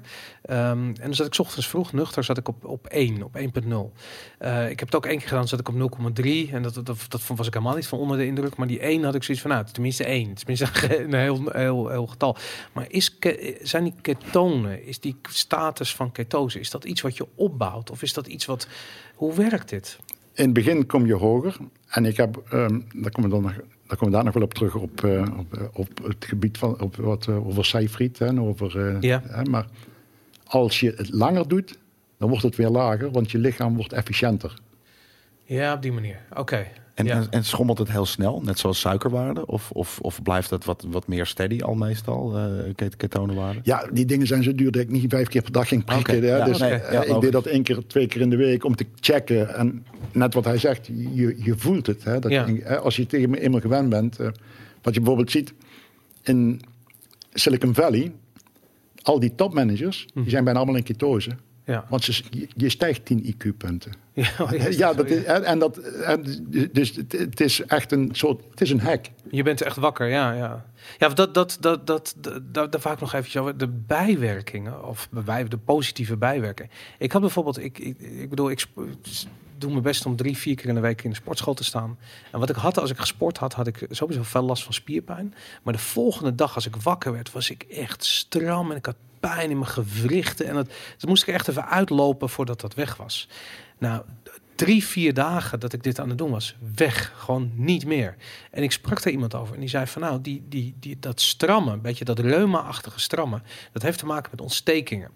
En ehm, doordat je in ketose bent, de, de staat van ketose is zo gezond voor je cellen. Het, het, het helpt eigenlijk je cellen te regenereren, eh, dat daarmee ontstekingen worden weggenomen. En het interessante was, ik had de tattoo laten zetten. Die gen- genas gewoon niet. Dat begon te ontsteken. En ik had zoiets van, fuck, weet je. Dat, dat, dat was voor mij al een ding van, ja, dat, mijn suiker is hoog. Ja. Ehm, eh, daarnaast, toevallig eh, kwam ik bij de, eh, bij de tandarts. En eh, die zei van, nou, je hebt helemaal geen eh, ontstoken tandvlees. Want niet dat ik dat heel veel heb, maar gewoon, ja, dat heb je altijd wel Dat was gewoon helemaal strak. Ik had het gewoon niet, helemaal Ja. niks. En ik merkte gewoon van, ja, die, eh, ik voel gewoon, die ontstekingen zijn weg. Niet dat ik er soort van dat het heel zichtbaar is, maar je merkt het in al die kleine dingen. Maar het kan natuurlijk ook zijn dat die dingen je opvallen, omdat je er nu heel bewust mee bezig bent. Dat het niet per se placebo is, maar dat je net zoals weet je, als je weet ik van mensen, eh, nou, die, die, worden ineens herinnerd aan iets, of die, die Ja. krijgen inderdaad een diagnose, en ineens dan ben je heel bewust van het feit dat het om je heen de hele tijd gebeurt, waar, waarbij dat misschien daarvoor helemaal niet zo is. Dan zal ik misschien eens iets, iets raars vertellen. Je ziet bij heel veel mensen die insulineresistent zijn, ja. die krijgen van die steelfratjes. Onder, In die oksels, hè, dan krijg je allemaal van die fratjes, eh, Ja. hè, van, die, van die steeltjes. ja, En die had ik heel veel. En die heb ik ook een keer door de dokter weg laten branden. Want, hè, en dan stinken en dingen weg. En dan na een tijdje, na een jaar zijn ze weer, komen ze weer terug. En, en toen ik in keto en ze zijn allemaal weg. Of uit zichzelf zijn ze weg. Ze zijn gewoon weggegaan. En, Ja. en, en toen hebben we dat ook uh, nagezocht. En in de literatuur was er ook wel iets van bekend, inderdaad. Dat dat weer. En dan denk je, ja, wat hebben steelfratjes nu met. Ja. Hè, maar ook. Maar wat- is, dat, is er iets over bekend? Hoe ja, werkt ja dat, dat, dat, is, dat, is, dat zijn de eerste tekenen van insulineresistentie. Joh, Hè, dus je kan bij wijze van spreken iemand onder zijn arm kijken. En als hij daar flink veel van die dingen heeft. Want je ziet het ook heel vaak bij, bij dikkere mensen. Dikkere- Ja. Die hebben die dingen. Ja, ja. Hè, en dat, is al de eerste, dat zijn de eerste tekenen van insulineresistentie. Diabetes zie je tien jaar van tevoren aankomen. Ja. En je tandarts, die ziet het het eerste. ja, ja. Als je, als je, hè, je mond begint te bloeden, daar, daar begint al die insulineresistentie. En Maar dan krijg je het ook weer, al die wat, ja, wat zal die tandarts interesseren wat jij diabetes hebt? Ja, ja, het, werkt niet, niet Nee. echt samen. En tenzij- en sterker nog, de, de, de tandartsen die hebben heel iets anders geleerd. Dus die weten helemaal niet dat, dat zij een, een voorbode aan het, aan het, aan het eh, hoeven zien van, van, van eventueel diabetes. Ja. Ja. Ja. Nou, ik moet je wel zeggen dat eh, eh, ik, ik raakte dus eh, met, mijn, eh, eh, eh, met mijn mondhygiënist in gesprek daarover. En we hadden het over podcasts. En zij zei dat ze juist heel erg in, in, into gezondheid was. En al de, eigenlijk alle informatie uit post, podcast haalde. En ik had zoiets van, dit is eigenlijk een, een, een, een persoon die een medische opleiding heeft gevolgd. Ja, maar de informatie uit podcast Ja, maar net zoals wij of, of wat dan ook Ja. dat doen inderdaad. Want, want dokters natuurlijk, die, eh, waarschijnlijk die- deze is misschien pas tien jaar geleden afgestudeerd. Ja. Wat, wat als er doktoren zijn die 30 jaar geleden, Ja, maar- natuurlijk lezen die wel wat bij, maar Maar dat is toch aan de hand? Ik bedoel, ik vind daarom ook Ik dat... heb, ik heb afspeellijsten met 150, 200 video's erin, waar ik echt alles uit... Ik heb alleen nog maar via video's en. YouTube is wat dat betreft naast Google een hele goede zoekmachine. Ja. ja, maar het idee is ook daarvan, je spreekt of je luistert eigenlijk naar verhalen van de top van de wereld. Ja, Zoals bijvoorbeeld die Pieter Ettia is een goed voorbeeld. eh, eh, eh, Don D'Agostino, eh is die trouw- trouwens allebei bij Joe Rogan hoorde ook. en met Tim Ferriss. Tim Ferriss natuurlijk. Tim Ferriss is een... Ja, maar die, het zijn weer vrienden, hè? Dus, Ja, tuurlijk, ze kennen elkaar allemaal. En, en ehm, eh, eh, hoe heet die kerel die me, Pieter, eh, hoe heet die, die, die, die dat bedrijf heeft opge, opgezet, wat eigenlijk mensen helpt met diabetes in ketose, ik weet zijn naam kwijt. Had je me laatst een hele video van gezien, die vierdelige YouTube-serie. Oh ja, van ehm, Steve Finney. Steve Finney inderdaad. Ja, Ja, die hebben dat ja. Health eh, opgezet. En dat Ja. is ja, dat, ook weer een prachtig verhaal. Die man die doet het al 30 jaar. Ja. die, die, die liep toen de tijd voor. Maar Atkins, ja, het is eigenlijk het, min of meer het Atkins-dieet. hè? ja, Dit.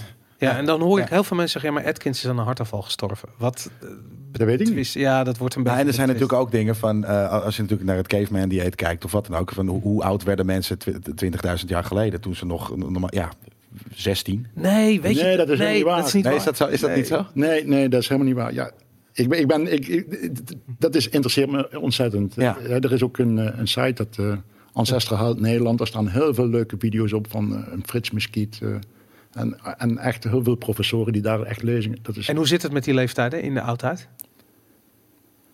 Ehm, kijk, als je natuurlijk de kindersterfte en, en de infecties eh, minder. Ik, ik denk dat ze ook toen ook oud werden, en maar ook ge- gezonder. En je ziet dus ook eh, bijvoorbeeld een trend dat onze herseninhoud aan het verminderen is. Maar dat is dus gek, de- want toen we, toen we vlees zijn gaan, eh, eh, of in ieder geval voedsel zijn gaan koken, toen is dat exponentieel omhoog gegaan natuurlijk. eh, Nou, volgens vo- mij. voedsel koken we al heel lang natuurlijk. Ja, hè. Ja. maar toen schijnt volgens mij toen we het vuur hebben uitgevonden, toen werden we exponentieel slimmer. Ze zeggen dus dat een, een, er zijn een paar mijlpalen, waaronder de landbouw. Hè, dat de landbouw, het is in feite 7000 jaar geleden uitgevonden. En dan zie je bijvoorbeeld bij die mummies, daar zie je ook daar, wordt, daar zie je de eerste degeneratieve ziektes optreden. Ja. En daarnaast is natuurlijk eh, een hele belangrijke is de industriële revolutie, waarin wij leerden met walsen om, om echt die koolhydraten te raffineren. Ja. Dat, is, dat is in feite een tweede. Ja, dat gaat ja, natuurlijk ook zo Ja. exponentieel wederom omhoog inderdaad. Ja. Ja. En dan die derde is in feite in de jaren 60, toen, eh, toen die Amerikaanse president een hartinfarct kreeg. En toen kreeg, kwam de cholesterol, hè, de, de, hè, dat moesten we in één keer low fat. eh, Ja. en want cholesterol, En je mocht geen eieren meer eten. en. Roomboter werd in de, in de ban gedaan. En, toen, en toen zag je dus in één keer die, die explosie van obesitas en, en diabetes. Ja. Ja.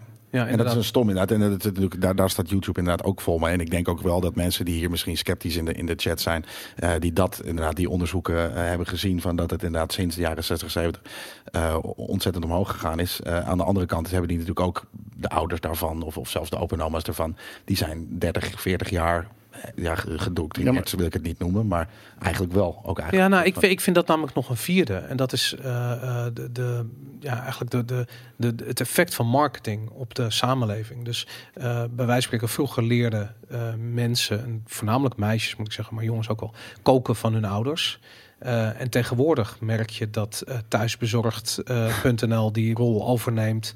Eh, Nou, het, is niet, het is niet eens marketing, het is inderdaad gewoon zitten. Het zittende beroepen natuurlijk. Nee, maar gewoon, waar komt voedsel vandaan? Weet je, Ja. ik bedoel, vraag eh, eh, hoeveel mensen er nog eh, koken. Terwijl dat, laat ik zo, dat was in 1930 was dat waarschijnlijk gewoon standaard. Dat, Ja. Want hoe kwam je anders aan voedsel? Ik vind het ook gek hoor, dat, er, dat ik mensen om me heen heb die, die, waarvan ik weet dat ze letterlijk praktisch niet koken. Ja, Precies. maar die kunnen ook niet koken. Ja, dat, dat, dat is bizar. Ik, ik denk dat dat een vierde is. Want Ja. het is heel erg moeilijk om je levensstijl te veranderen... en een andere soort voeding tot, tot je te nemen... op het moment dat je niet kunt koken. Ja, hetzelfde als dat je, als ik nu op mijn dertigste of mijn 32ste nog een taal moet leren. Dat is natuurlijk veel moeilijker dan dat ik dat vanaf kind af aan meekrijg. Ja, dat klopt inderdaad. Ja, ja. En een stukje marketing natuurlijk ook. We willen allemaal een dikke auto, dus moeten man en vrouw samenwerken. Dus ook geen tijd meer om te koken. Hè, allemaal Ja. het arbeidsproces in. eh, ja. en, en dan, ja, dan komt de gemaksvoeding al, al, al vrij gauw. Hè. Dus Ja. We hebben allemaal een dubbele hypotheek, eh, twee auto's. Ja, nou ja, absoluut. Hey Wim, even terug naar het, ehm eh het, het, het, het metabool syn- syndroom eh, vraagstuk eigenlijk. Weet je, ik heb, ik heb toevallig zag ik van de week nog een persbericht op nu.nl langskomen dat er, ja, weet ik het, weer meer mensen doodgaan aan kanker dan het jaar daarvoor dan in 2017, weet ik het. Ehm, we hadden het even over, en nou ben ik weer zijn naam, Steve Thomas- Finney. eh, Eh, Thomas Seyfried, eh, Thomas Seyfried, inderdaad. Hij heeft die lezing gegeven waarbij hij eigenlijk Cancer as a Metabolic eh, Syndrome. inderdaad dat hij kanker als een metabolische ziekte eh, bestempelt. Kun je, kun je me daar vertellen wat, wat de gedachte is? Ehm, ja, je ziet dus steeds meer mensen.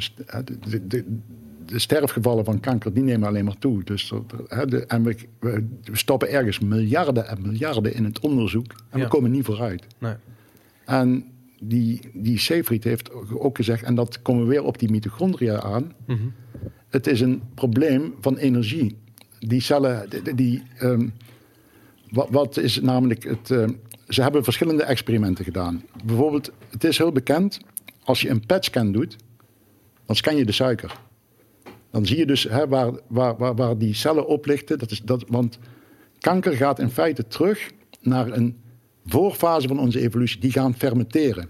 Ja. Die cellen die kunnen niet meer met. Hè, die, die, die hebben dus een probleem in. En die mitochondriën zorgen voor je zuurstofverbranding. Die leveren die ATP. Dan is er schijnbaar een probleem in je mitochondriën, zodat die niet meer voldoende.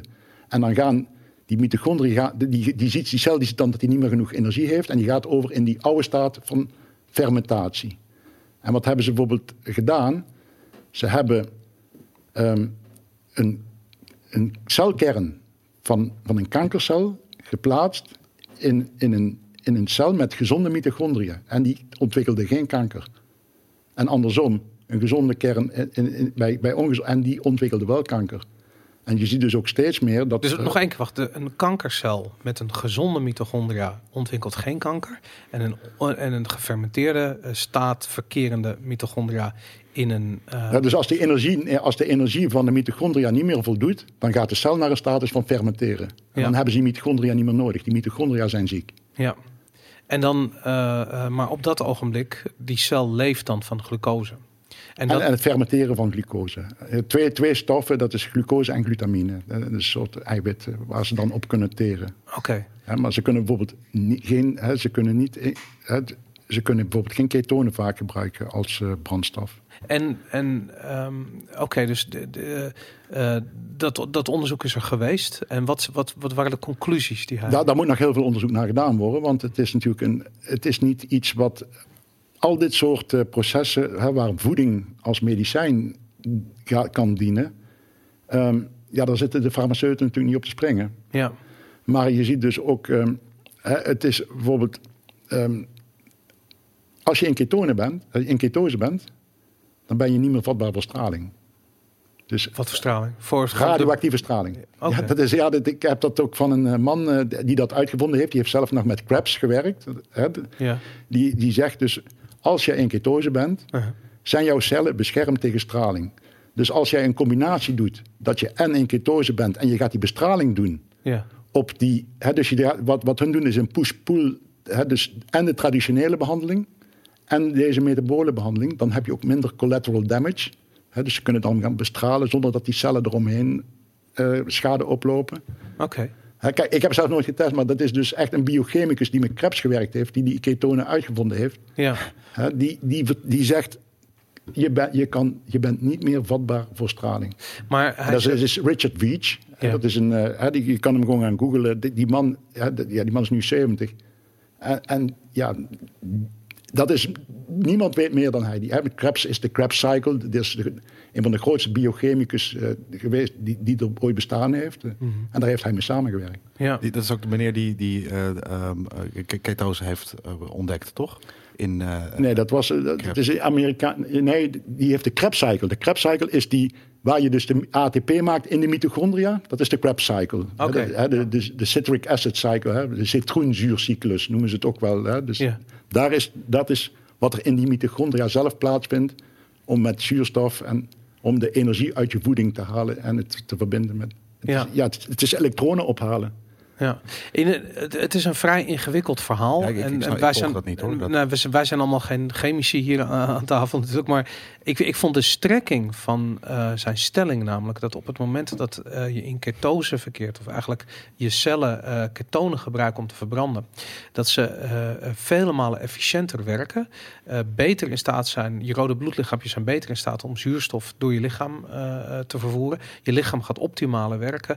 Kapotte cellen worden makkelijker herkend en opgeruimd door je lichaam. Dus het is eigenlijk ook een soort, eh, ja, het is Ja, een helend proces. Ook eh, ehm, al- als je in vetverbranding bent, dan noemen ze je hebt minder vrije radicalen. De- de- de- dat Hè, is wat die oxidanten, die oxidanten. Hè, dus je hebt in feite, ehm, als je, zelf als je een kachel, eh, je kan allebei, eh, je kan een hout of eh, snippers erin doen. Mhm. Het brandt allebei, maar de ene ge- geeft heel veel roet in de schoorsteen. En dat is in feite wat, wat je ziet. Hè. Je hebt dus veel meer ja, oxidanten. Ja. En die beschadigen weer celkernen. Ja, maar ook, kijk, kijk, ik vind de voorkoming, dat is één verhaal. Ik denk dat inmiddels is dat is algemeen geaccepteerd dat een gezonde levensstijl leidt tot, een, tot minder ziektes. Ehm, eh, en dit is een van de processen. de- ik bedoel, ketose is een van die processen die optreedt op het moment dat je begint met bewegen en gezond eh, eten. Ehm, maar ehm, eh, eh, die, die arts die we net bespraken, Seyfried, die eh, geeft in zijn eh, presentatie, die op, die overigens op YouTube staat, een voorbeeld van een, ehm, volgens mij een Schotse eh, jongen die een, een, een, een, een, een, eh, hoe noem je dat, in een stadium, een vierde stadium verkerende hersentumor had. Ja, het is vooral bij hersentumoren is het heel succesvol geweest. Ja, Die, en hij is uitbehandeld, hij kan niks meer doen of hij, hij weigert zijn behandeling en hij zegt van ik wil een, ik, ik- ja, ik wil een andere aanpak. En hij, hij wordt behandeld door die Seyfried en die, ehm, eh, ja, dat wordt een, eh, hij wordt in ketose gebracht, dus hij, eet alleen nog maar eh, koolhydraatvrij eh, voedsel. Dat gebeurt eh, in een ziekenhuis volgens mij ook. En eh, hij geneest volledig van zijn eh, eh, van zijn, zijn stadium 4 hersentumor, die hem anders nog drie maanden had laten leven. Precies, dat zag ik inderdaad ook net in de chat een paar keer langskomen. Dus als je zonder glucose geen kanker. Dat was inderdaad ook wat mensen in de chat zeiden. Ja, nou, dat, het is heel kort door de bocht natuurlijk. En je kunt geen. Het is heel erg moeilijk om, om eh, garanties te geven. Want eh, kanker is een ziekte waar eigenlijk nog niet al te veel van wordt begrepen. Maar één ding weten ze wel: kankercellen leven op glucose. Ja. Maar ook, eh, je, je hebt bijvoorbeeld, eh, eh, dan kom je weer op die Dominique D'Agostino. Die, eh, die moest op een gegeven moment door de Navy, eh, kreeg, kreeg die geld om te gaan onderzoeken bij Navy SEALs. Navy SEALs die, die moeten dus eh, eh, duiken met een, met een volledige zuurstof. hè, dus dat ze geen bubbels krijgen. Die hebben een, en die, als die, als die 15 meter diep gingen, die kregen allemaal epileptische aanvallen. Ja. En toen kreeg je dus geld van de, van de Amerikaanse marine om dat te onderzoeken. Zijn ze dus gaan kijken bij anti-epileptica middelen. Maar die waren de bijwerkingen van. Dan konden die SEALs niet meer goed eh, functioneren. ja. En die kwam toen ook uit bij het ketogeen dieet. Want dat werd al 100 jaar gebruikt voor mensen met epilepsie. Nou, ze zagen op eh, eh, mensen die op grote hoogte woonden, eh, zoals in Tibet en in de Andes, die hadden geen epilepsie. Volgens mij was dat het toch? Nee, maar ook, hè, het is al 100 jaar bekend als mensen epilepsie hebben. Als die twee, drie dagen, als die een keer dood, dan zijn die. Hè, dat gaat namelijk. ehm, er is ook een, ehm, er is een zekere Charlie Foundation. Dat is eh, Charlie Abrams. Dat is een eh, hele bekende regisseur. Ja. Die had een kind, die, die, kreeg, die had 100 epileptische aanvallen per dag. Wow. En die, ging, die, kon, die, hebben ze, die is bij neurochirurg. En die man die had heel veel geld. Hè. Die is bij alle beste chirurgen ter wereld geweest. En niemand kon hem helpen. Tony op een gegeven moment in een bepaalde kliniek. In, en daar hadden ze die ketogene leefstijl nog. En die is toen... Die, die zoon, die is nu inmiddels 25, die heeft nooit geen aanval meer gehad. Ja. Die hebben toen de Charlie Foundation opgezet om dit te ondersteunen. En die hebben ook een, eh, een film gemaakt met Meryl Streep, First Do No Harm. Ja. Dus echt, dat gaat alleen maar over dit onderwerp. Hè. Dan kun je gewoon opzoeken met Meryl Streep, First Do No Harm. Ja. Dus dit tegen die artsen zeggen, je, hè, dat hoort ook bij Hippocrates. Als eerste, doe geen pijn aan de mensen. Ja, ga geen behandelingen Ja. doen die, die mensen kwaad schaden. Ja, ja en dat, dat vind ik zo raar bij onze, eh, eh, ja, bij eigenlijk de, de, de manier waarop er naar zijn gezondheidszorg gekeken wordt in Nederland. De, het is voor een groot gedeelte symptoombestrijding. Als je namelijk eh, ziektes hebt waarvan, ik neem diabetes, dat is, en diabetes is een ziekte eh, je gaat dood aan gevolgen. Je gaat niet dood aan diabetes, je gaat dood aan hart- en vaatziekten, de, ehm, misschien de Alzheimer's die je krijgt. Eh, nou goed, er zijn nog een aantal andere dingen. Le- Nierfalen, leverfalen, orgaanfalen, dat soort dingen, daar ga je helemaal dood aan. Maar Blind worden, kanker, benen eraf. kanker Ja. natuurlijk is ook een belangrijke doodsoorzaak. Ehm, Nee, nee, maar van de diabetes. Hè? Dus, ja, dat snap ik inderdaad. Maar, maar kijk, die hoge bloedsuiker aan zich, dat, ja, dat leidt niet tot problemen. Nee, of tenminste, dat leidt tot problemen waar je volgens aan doodgaat. Dus vervolgens diabetes hebben ze iets van, nou, het enige wat we hoeven doen is die suiker naar beneden brengen. Maar wat er eigenlijk in feite aan de, aan de hand is, is dat, die, dat gewoon je cel op celniveau, je lichaam eh, niet meer functioneert. Dat wordt niet gerepareerd. Er wordt alleen maar gekeken van hoe kunnen we die glucose naar beneden krijgen. Ja, dat lukt ook niet. Als al je cellen kapot zijn en je, en je energiehuishouding kapot is, dan kun je heel moeilijk nog eh, gaan proberen om, eh, om die glucose naar beneden te krijgen. Dat zou je kunnen doen, maar ja, weet je, beter pak je de oorzaak aan. En dat is gewoon de, Kijk, de, de koolhydraten. Ik had dus, eh, ik had niet één medicatie. Ik had, er, ik had een hele zak vol elke maand. Hè. Dus Ja. dan krijg je ook cholesterolverlagers. Je krijgt eh, antidepressiva. Je krijgt... eh, Ik zag inderdaad net een verpleegster in de, in de chat ook zeggen, nou, beta-blokkers en dit en dat, heel veel verschillende je dingen. krijgt gewoon een hele zak vol. En hè, de ene is om, om het vet te... En dat, maar maar niet, niet... Er is inderdaad... En het is ook... Niemand wordt beter van die pillen. Nee, Hè, je krijgt alleen maar meer. Je- er is niemand die zegt, ik ben nu beter geworden dankzij die medicatie. Het is alleen maar symptoombestrijding. En dat is natuurlijk ook wel een heel interessant businessmodel. ja. Hè, want je hebt het liefste, ja, hè, aan dode mensen verdienen ze niks, aan gezonde mensen liggen- verdienen ze niks, maar de, de, winst ligt in het midden. Ja, mensen die liefst 30 jaar eh, achter de geranium zitten, Maar u, u gebruikt allemaal geen eh, medicatie meer dan? helemaal niks. Nee, nee dat, eh, precies. Dat was inderdaad ook een vraag net. Dat, eh, dat is al drie jaar. dat, ja, dat, ik, ik, kon, ik kon geen 500 meter meer wandelen. Nee. Ik zit nu op CrossFit. Ja. Ja.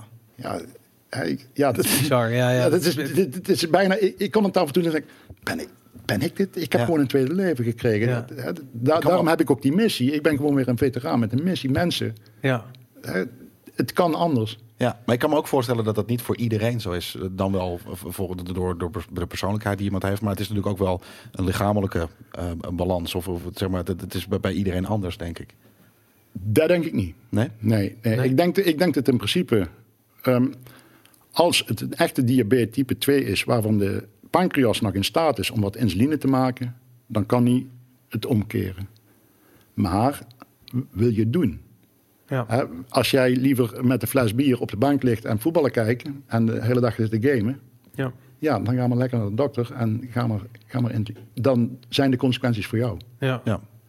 Dat is gewoon een keuze. En sommige mensen die zeggen gewoon ja, fuck it, ik, ik doe dat niet. Ik heb, dat, ik heb het er niet voor over. Ja, nou, oké, Ja, daar, is de ik- dokter, eh, daar is de dokter voor. Eh, Ja, die vriend van mij doet dat, dus die spuit het dan vaak bij. Inderdaad, terwijl het misschien Ja. niet eens nodig is. Al weet ik dus niet per se of hij type 1 of type 2 heeft. Maar ehm, ja, die heeft... Ja, want de- ik was laatst eh, op, de, op de universiteit, toen zei die ding, hè, let, food be, let, let food be thy medicine. Maar bij, bij die mensen is let medicine be thy food. Ja, ja, inderdaad. Ja, ja, dat is het inderdaad. Dat- Zover is het Ja. in feite. Hè? Ja, dus die, die, die, dat, dat is wel een thema in eigenlijk de, de- de- dit hele podcastseizoen. Maar dat is die persoonlijke verantwoordelijkheid die mensen hebben. Kijk, mensen leggen de verantwoordelijkheid voor hun gezondheid bij, bij, bij anderen die ze niet kennen. Bij Ja, artsen die ja. ze niet kennen. Ze weten niet hoe goed die zijn. Ze moeten dat maar vertrouwen. Nee, dat doen ze ook nog. Ja, je, moet, je, eh, je bent uiteindelijk zelf verantwoordelijk en die arts die moet jou assisteren. En, hè, maar, maar ik merk het ook bij de dokter. Kijk, als ik bij die dokter kom met mijn dikke buik en, en rokend en niet sportend, Ja, die man heeft helemaal geen zin in mij. nee. Hè, maar als ik laat zien, ja, maar ik doe mijn best. En dan zie je bij heel veel artsen, dan, dan zijn ze ook gemotiveerd om jou te gaan helpen. Ja, Hè, maar, maar, maar wat moet zo'n man doen? Ja, ik zit de hele dag eh, bier te drinken, voetbal te kijken. En, eh, ja, wat- geef maar ja, een pil, ja. Hier heb je een pil, volgende. Ja. Ja. Nou, ik vind dat, dat, dat- ik vind dat heel interessant. Die motivatie vind ik interessant. Want ehm, eh, ik, toen ik net diabetes had, ik schrok me helemaal, helemaal rot. En ik ben echt een soort zoektocht gestart. En eh, ook zeker keto tegengekomen. Maar ik, ik vond het te ingewikkeld. Ik dacht, dat is niet voor mij. Dat is, dat is te ingrijpend. Waarom ik dat dacht, weet ik eigenlijk niet. Maar vooral omdat ik, ik zag het alleen maar bij professionele bodybuild sites en, dat- en dat zoiets. Ik bedoel, dit, dit is een jaar of zes geleden. Het is nu wat populairder aan het worden. Maar eh, ja, toen, toen vond ik het alleen maar daar. Ehm, ik ben wel gaan low carb gaan eten. En ik heb geleerd over voeding en gezond koken en dat soort dingen. Maar op een gegeven moment... ehm, ja, mijn vader stierf en ik had druk en ik had stress weer. En ik, en ik liet het gewoon gaan. En, het, en mijn suiker ging weer omhoog en het werd gewoon minder. En ik realiseerde me toen van, weet je, dan zat ik eh, bij, bij, bij die diabetesverpleegkundige elk, elk half jaar. En die zei van, ja, het is weer te hoog, het is weer hoger, het is weer hoger. Ik zei, ja, ik ben gewoon mijn motivatie kwijt om er wat aan te doen. En het bizarre is dat ehm, eh, het enige wat ik eigenlijk wist is van, ik heb iemand of een groep nodig van mensen die zo gemotiveerd zijn dat ik er mee kan komen.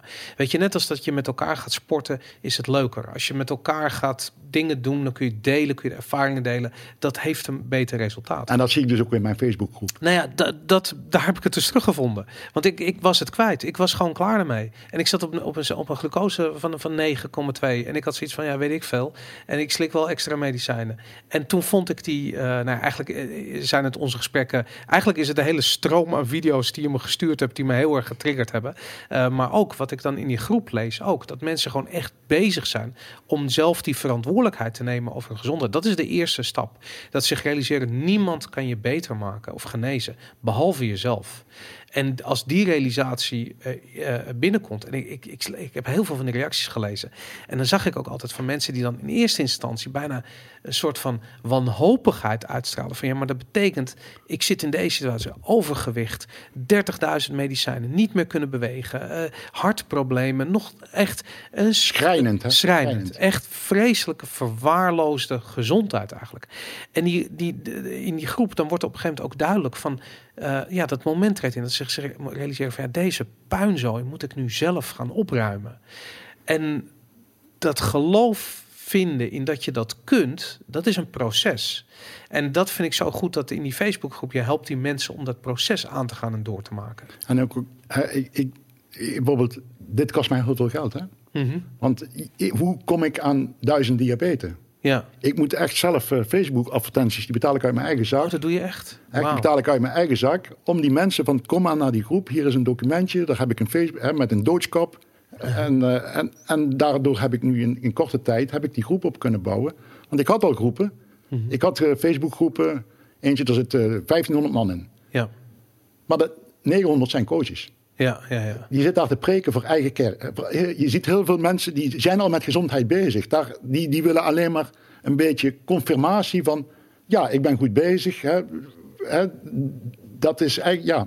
Ja. Maar die diabetes, dat is zo uniek. Maar die moest ik echt op Facebook... Want Facebook is wel een heel goed medium. Ja, Want het wordt toch wel door de wat oudere, gezadigder mensen... Wordt het, hè, die zitten niet op eh, weet aan het Snapchat en zo. ja, ja. Hè, dat Facebook is wat Als discussieforum is het ook eh, Ja, als ja, want er zitten ook hele interessante wetenschappelijke groepen. Ik ben lid Ja. van, van, van internationale groepen waar echt gewoon topwetenschappers in zitten. Waar Ja. gewoon de hele dag. eh, ja, ik, ik vind Facebook. Het is gratis. Hè? Ja. Ik bedoel, ja, Maar, maar waar- waarom doe je dat? Waarom geef je dat geld uit om die, om die groepen te... Je zou jou kunnen zeggen van ja, mensen vinden me wel. Nee, die diabetes vind je zomaar niet. Dat is echt heel moeilijk. Ik heb op mijn site, maar om, om die mensen echt met die, om die naar die groep toe te halen, dat, dat was echt heel erg ingewikkeld. Maar, maar waarom vind je het zo belangrijk dat die mensen daar naartoe gehaald worden? Waarom wacht je niet tot ze zelf komen? Omdat ik, eh, ik heb een missie.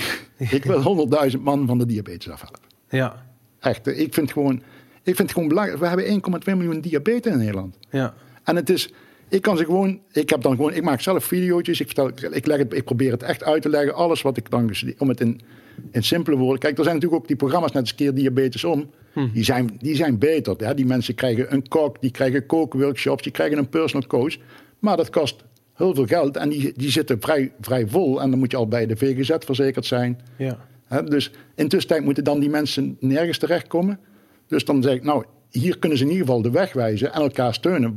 Van die, Maar heel veel mensen vragen, "Wa- wa- wat moet ik eten? En ik maak dan een dagelijkse. Dan gaat iedereen laten zien, kijk, ik heb vandaag dit gegeten. Ik Ja. heb vandaag dit. Dus je krijgt een hele mooie wisselwerking. En ook mensen die elkaar steunen. Dat is, ja. die, die groepdynamiek vind ik wel heel belangrijk. Nou, ik vind, ik vind dat, maar ook dat. eh, kijk, ik, ik weet toen ik die. eh, ehm, eh, toen ik een beetje begon. ik had er vrij snel had ik mijn- glucosemeter. En toen ik te horen kreeg dat ik diabetes was, ging ik een boek bijhouden. En dan ging, ik- ging ik een boterham, een snee brood eten. En dan prikte ik me ervoor en daarna. En dan keek ik, schreef ik op wat het deed. En een aantal dingen schrok ik me helemaal rot van. Bijvoorbeeld hoe, eh, een boterham, het effect van een boterham. Kijk, je zou kunnen zeggen van in een hele banaan, daar zit ongeveer eh, 40 gram, denk ik. 40 gram koolhydraten, zoiets. Nou, een boterham zit 25 gram koolhydraten in. En toch, ehm, eh, als ik die boterham at, ging mijn glucose harder omhoog dan als ik die banaan had.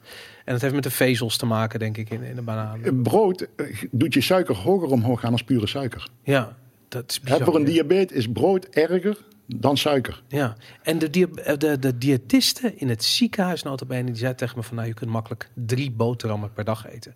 Ik zei ze van, luister, dit, is, dit zijn de waardes die ik heb na het eten van een boterham. Hoe kom je erbij dat je me aanraadt om drie boterhammen te eten? Dat is fucking krankzinnig. Ja, dit, dit is dus dit is nu in de zorg. Dit is een loterij. Soms heb je geluk. Er zijn gewoon echt. Er zijn nu langzaam komen er ook steeds meer. In het begin werden die diëtistes. Ik ken, ik ken ze persoonlijk. Die werden verguisd. Die werden echt eh, aan de kant. eh, Diëtisten die zeiden van, je moet... je moet low carb doen. Ja. En hè, die, werden echt, die werden echt in een verdomhoekje gezet. En dat waren de nu zie je er steeds meer. Ja. En nu is het gewoon een lot, lot in de loterij. Kom jij bij een goede terecht hè, die dat snapt. Ja. Hè, ja, je hebt er ook bij die zeggen, ja, wij pakken bijvoorbeeld heel veel kokosolie. Ja, dat noemen wij eh, plakvet. Ja. Terwijl ik weet gewoon, kokosolies zijn MCT-olies die gewoon rechtstreeks in je lever omgezet worden in, in, in ketonen. ja, het is gewoon heel erg gezond. Ja. Ja, dat is heel erg, maar is- nou, dat is plakvet. Eh, Ja, Ja, dat, dat, dat idee van je hebt alleen maar eh, enkelvoudig onverzadigde vetten die gezond zijn, terwijl kokosolie een meervoudig verzadigd vet is. En toch is kokosolie gewoon ontzettend gezond. ja. Maar ook, wa- wat ik dus, eh, wat, wat, ik ben dus nu op, op een aantal congressen geweest. En ik werk bijvoorbeeld in, in, in Leende. Ja, Daar heb je het project Gezond Dorp. Ja, Er zijn twee artsen die zijn dat hele dorp een beetje low carb gaan zetten op dat boek van Tim Noakes. Dat is een sportarts, Ja, eh, ja. die is dat gaan doen. Toen was ik dus ehm, op een lezing en toen kreeg, kreeg ik dus vragen uit de zaal. En dan krijg je die, die mensen van, waar is jouw evidence? Het is niet evidence-based. En dan wordt daar zo'n huisarts, die wordt dan door die PhD's van Wageningen, wordt daar keihard van, ja, dat is allemaal niet evidence-based. want Wageningen is Unilever, is... eh, Eh, En ja, want ze willen dan dubbel control trial, hè, met dubbel blind. En dan moet je de ene controlegroep een placebo geven. En dan kun je dat allemaal met evidence. Ja, die arts die ziet gewoon mensen beter worden. Ja. Dat, dat is zijn evidence. door dit, door, door Ja, dit ding, dit is je evidence. Als je gewoon elke ochtend eh, gewoon je suiker eh, eh, prikt, dan zie je het effect van de voeding. en zo kwam ik, de week daarna kwam ik weer bij zo'n congres. Hm. En toen kwam er, ik mocht daar, een, ja, dat was heel, toen kwam er van tevoren kwam de, de vice-directeur van de Hartstichting. Ja, En die vertelde, Hanno Peil was bij geweest Hm. over, om over zijn boek te praten en dat het ook goed was voor mensen met een hartinfarct. En ze zei, ja, ik geloof Hanno Peil niet, want hij is niet evidence-based. Die mevrouw had zo'n buik. ja. Dat was een lopende bom, die kan elk moment nu dood neervallen met een hartinfarct. En die zegt van, "Ha- Hanno Peil is niet evidence-based. Nou ja, ik, ja, sorry. Ja, ik vind, ik vind, dat, ik vind het fascinerend, dat, dat, dat inzoomen op die details. Terwijl als je uitzoomt en je kijkt naar de wereld, dan zie je eh, in Amerika de helft van de, eh, van Amerikanen is in 2030 eh, morbidly obese. Niet te dik, morbidly obese. De helft van alle Amerikanen in 2030. In Nederland gaan we gewoon richting een derde van de bevolking die zwaar overgewicht heeft. Nee, het is 50 procent. Het was la- laatste ding. We hebben nu, de helft is, eh, heeft overgewicht. Hè? In Ja. Nederland, ja. En dan heb je, ja, ik weet niet wat de Nederlandse vertaling voor morbidly obese is. Maar, Dat is, dat is 40. ja, oh ja, inderdaad. Ja. 35 tussen 45 is eh, morbidly obese. Je, je, je, eh, je, je BMI bedoel je? Ja, dan zegt natuurlijk niet BMI niet alles, want Arnold Schwarzenegger had ook een heel hoog BMI. En Dat zeg mijn BMI is ook wel waarschijnlijk Ja. 25 of wat dan ook. Hoor. Dus ik ben Eh, ook obese. eh, dan. dat, Ja. Nee, maar je, wat, wat wel belangrijk is, en dat is ook een van de kenmerken, je buikomvang. Ja, Hè, Als je buikomvang, als je lengte gedeeld door 2, als de- en als je buik, hè, bijvoorbeeld je bent 1,80 en je hebt een buikomvang van meer dan 90 centimeter, dan is dat een van de risicofactoren van het metabool syndroom. ja, ja inderdaad. dat heb ik wel hoor. Nou, dan, dan, Dat is, ja, maar je, hebt- het, het, het duurt ook lang, hè? Het, de- de- je wordt niet van vandaag of morgen ziek. hè. Nee, en precies. je leeftijd. eh, Ja, maar ik denk, ik kan me voorstellen dat ik dat, dat ik vroeger natuurlijk dan niet, omdat ik, maar ook als kind was ik heel bulky, zeg maar niet, niet, niet dik, maar gewoon ik heb een bepaalde bouw waar ik makkelijk dat ik een, een, een, een, een buikomvang van 90 centimeter heb en 1,82 ben. Ja, maar je wil, je wil die, die, die, dat, dat vet en dan vooral dat bij je ingewanden zit. Zo, Als je lever en je pancreas in het vet ligt, Ja. dat, is, dat, is, dat is eigenlijk de grote oorzaak. Je lever is echt een, een orgaan, dat is je, je chemische fabriek, die, die zorgt voor de suiker, die zorgt, hè, samen met je pancreas, die, houdt de, hè, die zorgt voor de vetverbranding, die zorgt voor de ketonen. Ja. Eh, en hart, eh, ik heb daar ook onderzoeken in gezien. Iedereen die een hartinfarct gehad heeft, die geen diabetes heeft, is gewoon vanwege het feit dat hij niet gediagnosticeerd is. Als diabetespatiënt. Als Als diabetespatiënt. metabool persoon. Ja, inderdaad. Ja, ja dus dat, dat is het. eh, want dat is ook een. Ik, moet je wel zeggen, er is een, eh, eh, er is een, een groeiende groep aan mensen die ogenschijnlijk heel mager zijn. Die eh, het niet weten van zichzelf, maar die wel heel veel buikvet hebben. Ja. Dus die zijn niet, die hebben niet een ronde buik, die hebben niet de bierbuik of whatever. Maar die, ja, ze hebben gewoon een hoog vetpercentage Ja. in hun lijf. En dat, die kunnen ook diabetes of. Dat noemen ze tofies, hè?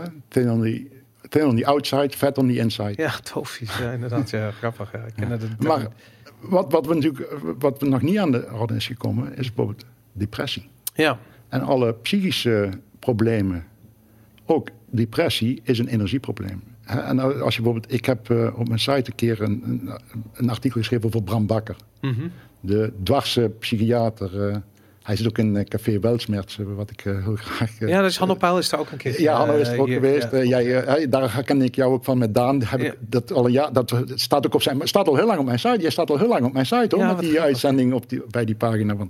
Hè, maar ook depressie is, is echt heel veel levens. En als, als jouw hersenen geen energie hebben, het is, het is wat, wat ze zeggen, kijk, ja, je hebt een energieprobleem. Dan gaat als eerste die systemen die heel veel energie pakken, die gaan als eerste het licht uit. En dat zijn je hersenen, hè, dat is bij, bij, bij je ingewanden, je hart. Je hart ook, ja. Hè, en die, want daar, daar heb je het meeste. Maar zelfs ehm, vruchtbaarheid. Ja, Want als er, er is maar één, één cel die nog die de allermeeste mitochondria heeft, dat zijn, dat zijn je zaadcellen.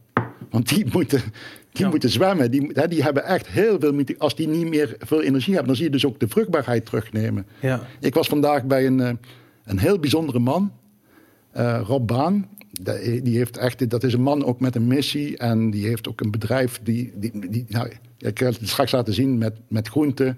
Die wil eh, schoollunches weer in gaan voeren. Die, die heeft echt een. hè, die, die hoort bij Voeding Leeft. En ik, ik was vandaag bij hem. En die heeft een bedrijfsrestaurant. En die zorgt ervoor dat al zijn personeel in de lunch al 350 gram groente binnen heeft. Wow. Eh, al zijn personeel wordt zwanger. Ja, Ja, die mensen worden gewoon gezonder. En ja, Ja. dat is heel, ja, heel, eh, hadden we toevallig over van een van die bijverschijnselen. Ja, die mensen, ook, ook dat, die kwaliteit gaat allemaal omhoog. het is echt zo. Als je gezonder leeft, ben je vruchtbaarder. Dat, Ja. eh, dat is absoluut het geval. En ook met depressies. En ik wil ook nog wel bij zeggen, wij horen niet de, ons hele leven in ketose te zijn. Nee. Het is niet de natuurlijke staat van de mens. Hoe, hoe zie je dat dan? Wat, wat is wel... Ehm, ik denk dat het een, een seizoengebonden iets is. Ehm, ik, ik, dan, dan, hè, wat, wat dan ook bijvoorbeeld eh, de, de artsen en leenden zeggen. Wij moeten lokaal, seizoensgebonden eten. Want dat deed je ook als primitieve mens. Je moest gewoon lokaal, ja, je moest gewoon pakken wat, wat er was. Je kreeg geen eh, sinaasappels uit Nieuw-Zeeland. eh, Ja, hè, en wat zie je dan? In, in de herfst is het fruitrijp. ja, Fruit is suiker. Nou, dan ga je dat, dat fruit eten. Je suiker gaat omhoog. Sla je op. Dan krijg je een beetje een buikje. voor de winter. Voor de winter. Ja, En dan de winter, als het dan wat slechter wordt. Dan ga je dus even. En dan, dan, dan, dan ga je misschien wel even in ketose. Als het echt slecht wordt. Dan heb je even niks. Dan heb je honger. En dan ga je even in ketose.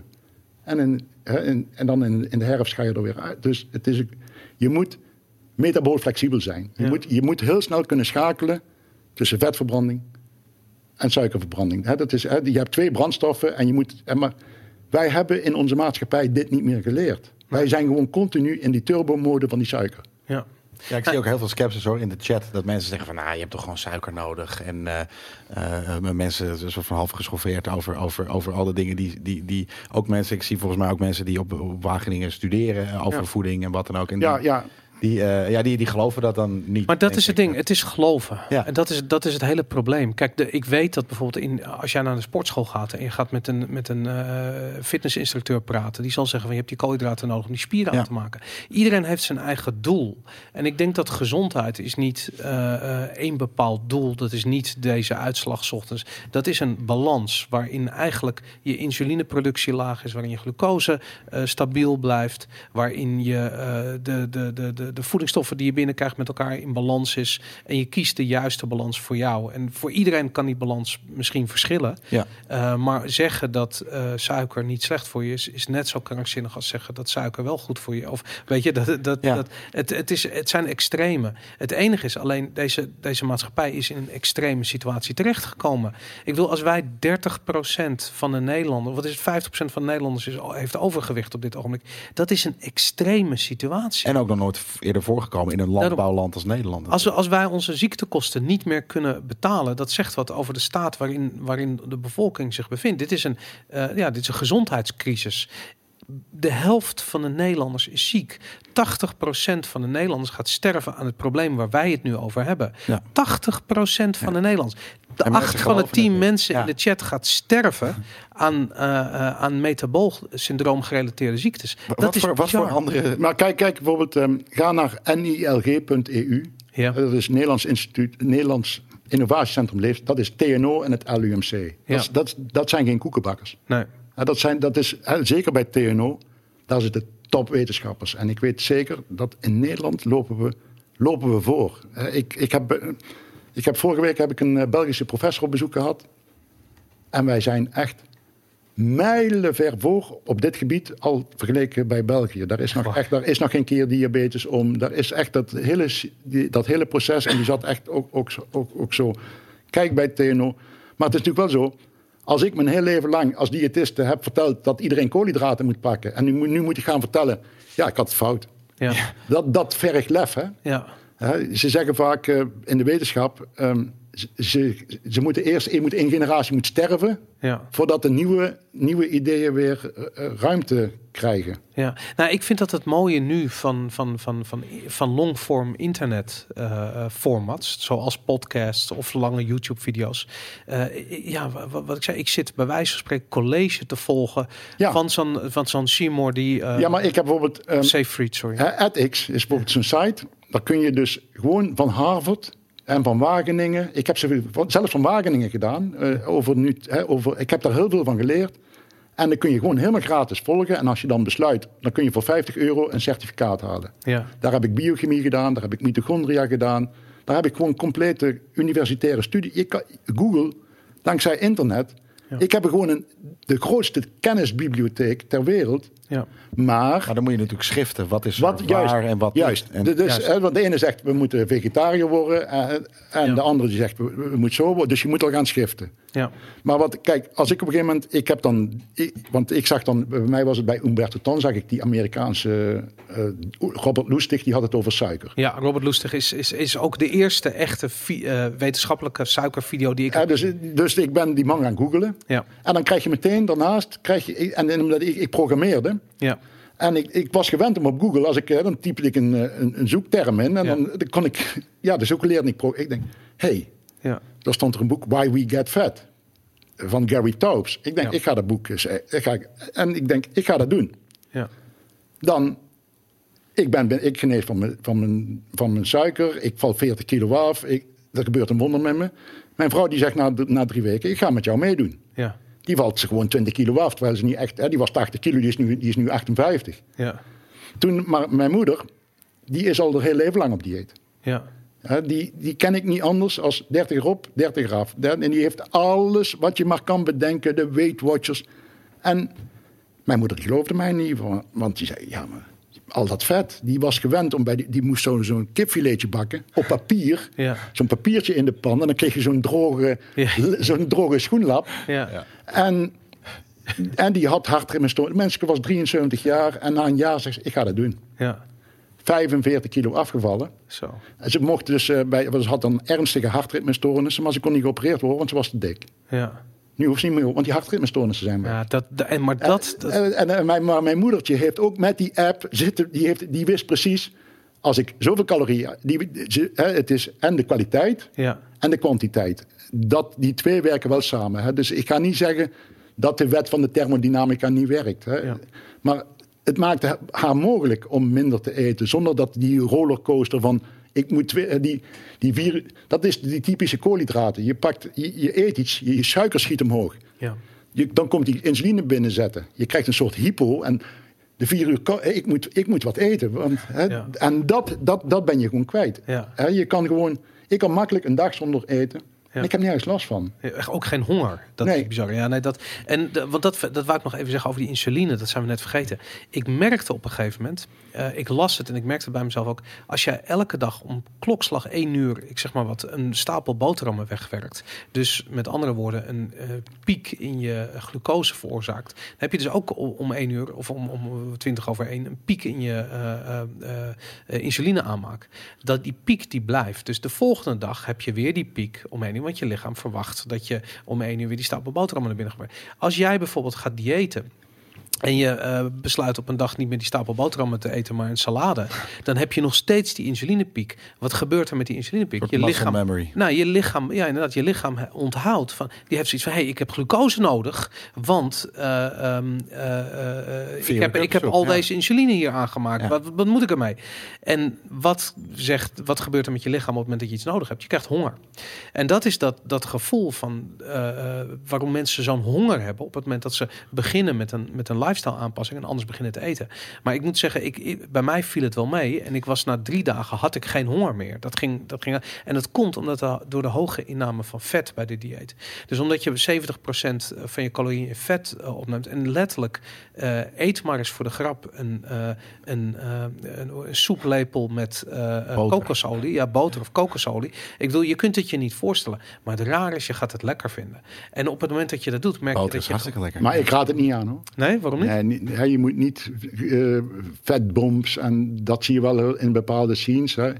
Eh, vet hoort op groente en dat hoort in, in vlees te zitten. Het moet, het moet wel het, een stukje natuurlijke vetten zijn en je kan er gewoon lekker in bakken. En de- flink olijfolie over de sla en zo, dat kan wel. Maar echt lege, het zijn, je moet ook denken aan je, je micronutriënten. Uh-huh. Hè, dus je, je vitamine, je mineralen. En je krijgt met alleen maar vet, dan krijg je wel heel veel calorieën binnen, maar ik vind ze toch te leeg. Hè. Dus ik, ik, vind wel, je moet toch wel minimaal elke dag 300, 400 gram groente eten. Ja, ja, dat snap ik. Dus je moet het niet in plaats van. Dat Bijvoorbeeld ik, ja. eh, lever. ja. Dat zijn, dat zijn gewoon vitamine, dat zijn vitaminebommen. Hè. Het is Ja. vooral het orgaanvlees. Dat, ja, dat is niet altijd lekker, maar het is nog goedkoop ook nog. Hè. Kippenlever hè, met een uitje. Het, is, het, het staat zo stijf van de vitamines. En, en daar moet je op letten. Hè, dat je, want, als je, als want dat zie je dus ook in die moderne voeding. Je, je eet, maar je krijgt een zak chips, maar je krijgt geen micronutriënten. Dus jouw lichaam zegt, ik kom tekort, eet nog meer. Ja. Want die heeft die, magne die heeft die mineralen nodig, die heeft die vitamine nodig. En dan zegt hij maar, ja, geef mij maar wat. Ga nog maar. En dan, dan gaat hij ook een soort honger maken om, Ja. om, om, om die nutriënten, want die heb je wel nodig. Hè? Ja, ja, absoluut. Ja. Hey, en, en als je dan kijkt naar eh, ehm, de, mensen in jouw groep, de mensen in jouw Facebookgroep, en je ziet dan bijvoorbeeld zo'n schrijnend geval van iemand die echt last heeft van 30 verschillende dingen. Eh, je, je, kijk, jij bent, je, je hebt die reis doorgemaakt en je bent op een gegeven moment terechtgekomen op een plek waarbij je bloedwaardes weer gezond zijn, waarbij je weer in staat bent om te sporten, waarbij je conditie vooruit is gaan, waarbij je ja, een soort van gezonde eh, staat terecht bent gekomen. En dan zie je dat soort verha- verhalen. En je weet dat die mensen moeten die. Ze moeten niet alleen hun eh, eh, dieet aanpassen. Ze moeten die reis doormaken. Ze moeten die kennis tot zich nemen. Ze moeten weten waarom ze dit moeten doen. Ze, Ja. moeten, ze moeten zichzelf kunnen eh, motiveren. En daar de verantwoordelijkheid voor nemen. Ja, en, en, wat ik dus merk is, een grote groep kan dit niet. Dat is Nee. te moeilijk. Ja, die, die we zeggen dan, dan zie je dus ook de vraag, heb je geen minuutje? ja. Maar ja, dat is nou net. Het is niet even, want ik weet niet wat jij lekker vindt. Ik weet niet hoeveel calorieën jij nodig hebt. Hè? Dus we kunnen wel helpen. Maar het is niet gedaan met. Hier heb je een minuutje, ga dit maar eten. Maar die mensen die moeten echt eh, begeleid, die hebben veel meer begeleiding nodig. Hè? Die moet je echt. eh, ehm, ja, ik, ik zal iets, iets heel raars zeggen. Ik kwam op een gegeven moment eh, bij mijn praktijkondersteuner. Hè, want ik, en bijvoorbeeld mijn huisarts. Die heeft mij nooit gevraagd hoe ik het gedaan heb. Uh-huh. Die is zelf zo'n buik. ja. En het interesseerde hem niet. Dat vond ik heel vreemd. Die heeft me wel afgeraden. En die, want ik kwam ook weer met de praktijkondersteuner. Ja, en ik, ik zat altijd vol van, ik heb die ziekte omgekeerd en eh, dat soort dingen. Ehm, waar, waar- waarom kan ik niet een lezing geven bij jouw patiënten of kan ik niet wat doen? Nou ja, wat jij gedaan hebt, daar houdt niemand vol. Ik zeg, hoezo niet? Nou, zegt ze, ik ben blij, ik woon een beetje in een, eh, een mooie wijk. Ik ben blij dat ik in deze wijk zit, want eigenlijk noemen wij diabetes de ziekte van de drie D's. Dik, dom en diabetes. Nou, mijn hart brak, want ik ben niet dom. Ja. Hè, maar het is, wel, het, het is wel een ziekte die in de lagere, in de volkswijk veel groter is als in, in, in, in, de, in, de, in de Juppenwijk. Ja. Al denk ik dus ook dat het een financieel iets is. Ja, dat zeker, het heeft zeker een financieel, maar ook, ja, die mensen zien Max Verstappen, Red Bull, eh, ja, Ja. ja. Maar, Maar in die andere wijk maken ze die reclame waar die, eh, die weten dat het bullshit is. Ja, maar ik, ik vind wel, die mensen hebben, die kan ik, die, die- dan zie ik dat, hè, en die, die, die, die kan ik niet echt, die moet ik meer, hè, ik organiseer bijvoorbeeld elke zaterdag een wandeling. Dan zeg ik, mensen, kom maar gratis met mij mee wandelen met de hond. Dan, Maar ja, die mensen hebben gewoon meer hulp nodig. Die kunnen, hè, dus, ehm, ik, ik zat op een gegeven moment in een radio-uitzending met Ben van Omme van TNO en Hanno Peil. Die zei, ehm, ja, waarom doen niet meer mensen dit? Ja. Nou, wat Wim gedaan heeft, en wat, daar schaar ik jou ook onder, dat kan 3% van de mensen. Die hebben kennis van internet, die weten te zoeken en die, die, die, die, dat is 3%. Dan is er een groep van 30% met een beetje hulp kun je die de weg wijzen. Dat is, daar is mijn Facebookgroep nu op gericht. Dan krijg je een groep, die zijn wel gemotiveerd, maar dan krijg je nog een 30%. En dan krijg je nog een groep van 30%. Die zijn niet te helpen. Die, Ja. die, die willen niet. Nou ja, maar dan heb je toch... Als je dan 60% kan helpen, ik 30% en keer diabetes om, die andere 30% met hun uitgebreide programma's. En zo heb je ook een programma Herstelcirkel in de wijk. Dat is ook eh, mooi eh, Ja. initiatief eh, wat nu in Nijmegen gestart is. Zo kun je toch, dan kunnen we toch 60%, is, dan praten we wel over 600.000 mensen. En wat gebeurt er als die 600.000 mensen de kennis hebben die jij hebt?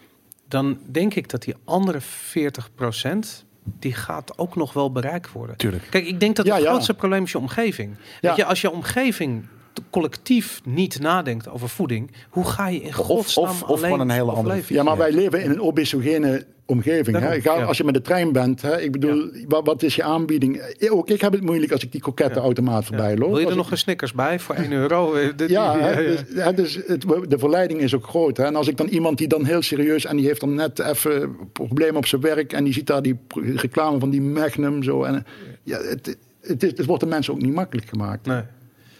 Ja, aan de andere kant, eh, hoe, hoe, hoe zie je dat dan gebeuren op die Facebook? Ik, ik zie namelijk ook wel, eh, of tenminste, ik heb het idee dat ik dat gezien heb eh, in een van die groepen. Dat zijn mensen die op een gegeven moment weg zijn gegaan uit de groep. Die konden het dan niet, denk ik. Ik bedoel, ik hoop niet dat ze overleden zijn, maar ik, ik, ik had het idee dat ze gewoon, ja, je ziet dan ook op een gegeven moment een soort van.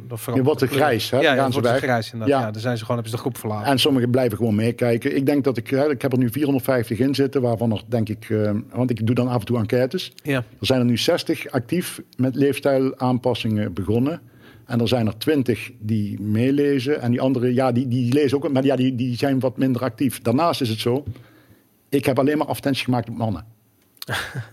Want ja, ik, eh, die vrouwen zijn, die zijn veel actiever. Ja. Je, ziet, je ziet ook veel meer eh, vragen van. En die mannen kijken ook wat, die kijken wat meer de kat uit de boom. Die, die, die, die letten wel op.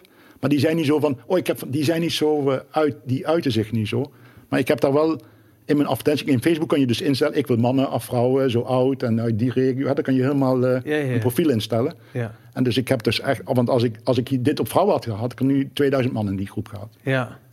Ja, wat grappig inderdaad. Ja. Maar, en, en, maar eh, waarom re- richt je op? Maar omdat je, je hebt het idee die zijn minder goed te bereiken. Of die zijn minder geïnteresseerd. Die zijn moeilijker te bereiken, maar die zijn wel, die zijn wel gemotiveerd. En die kosten me ook iets minder.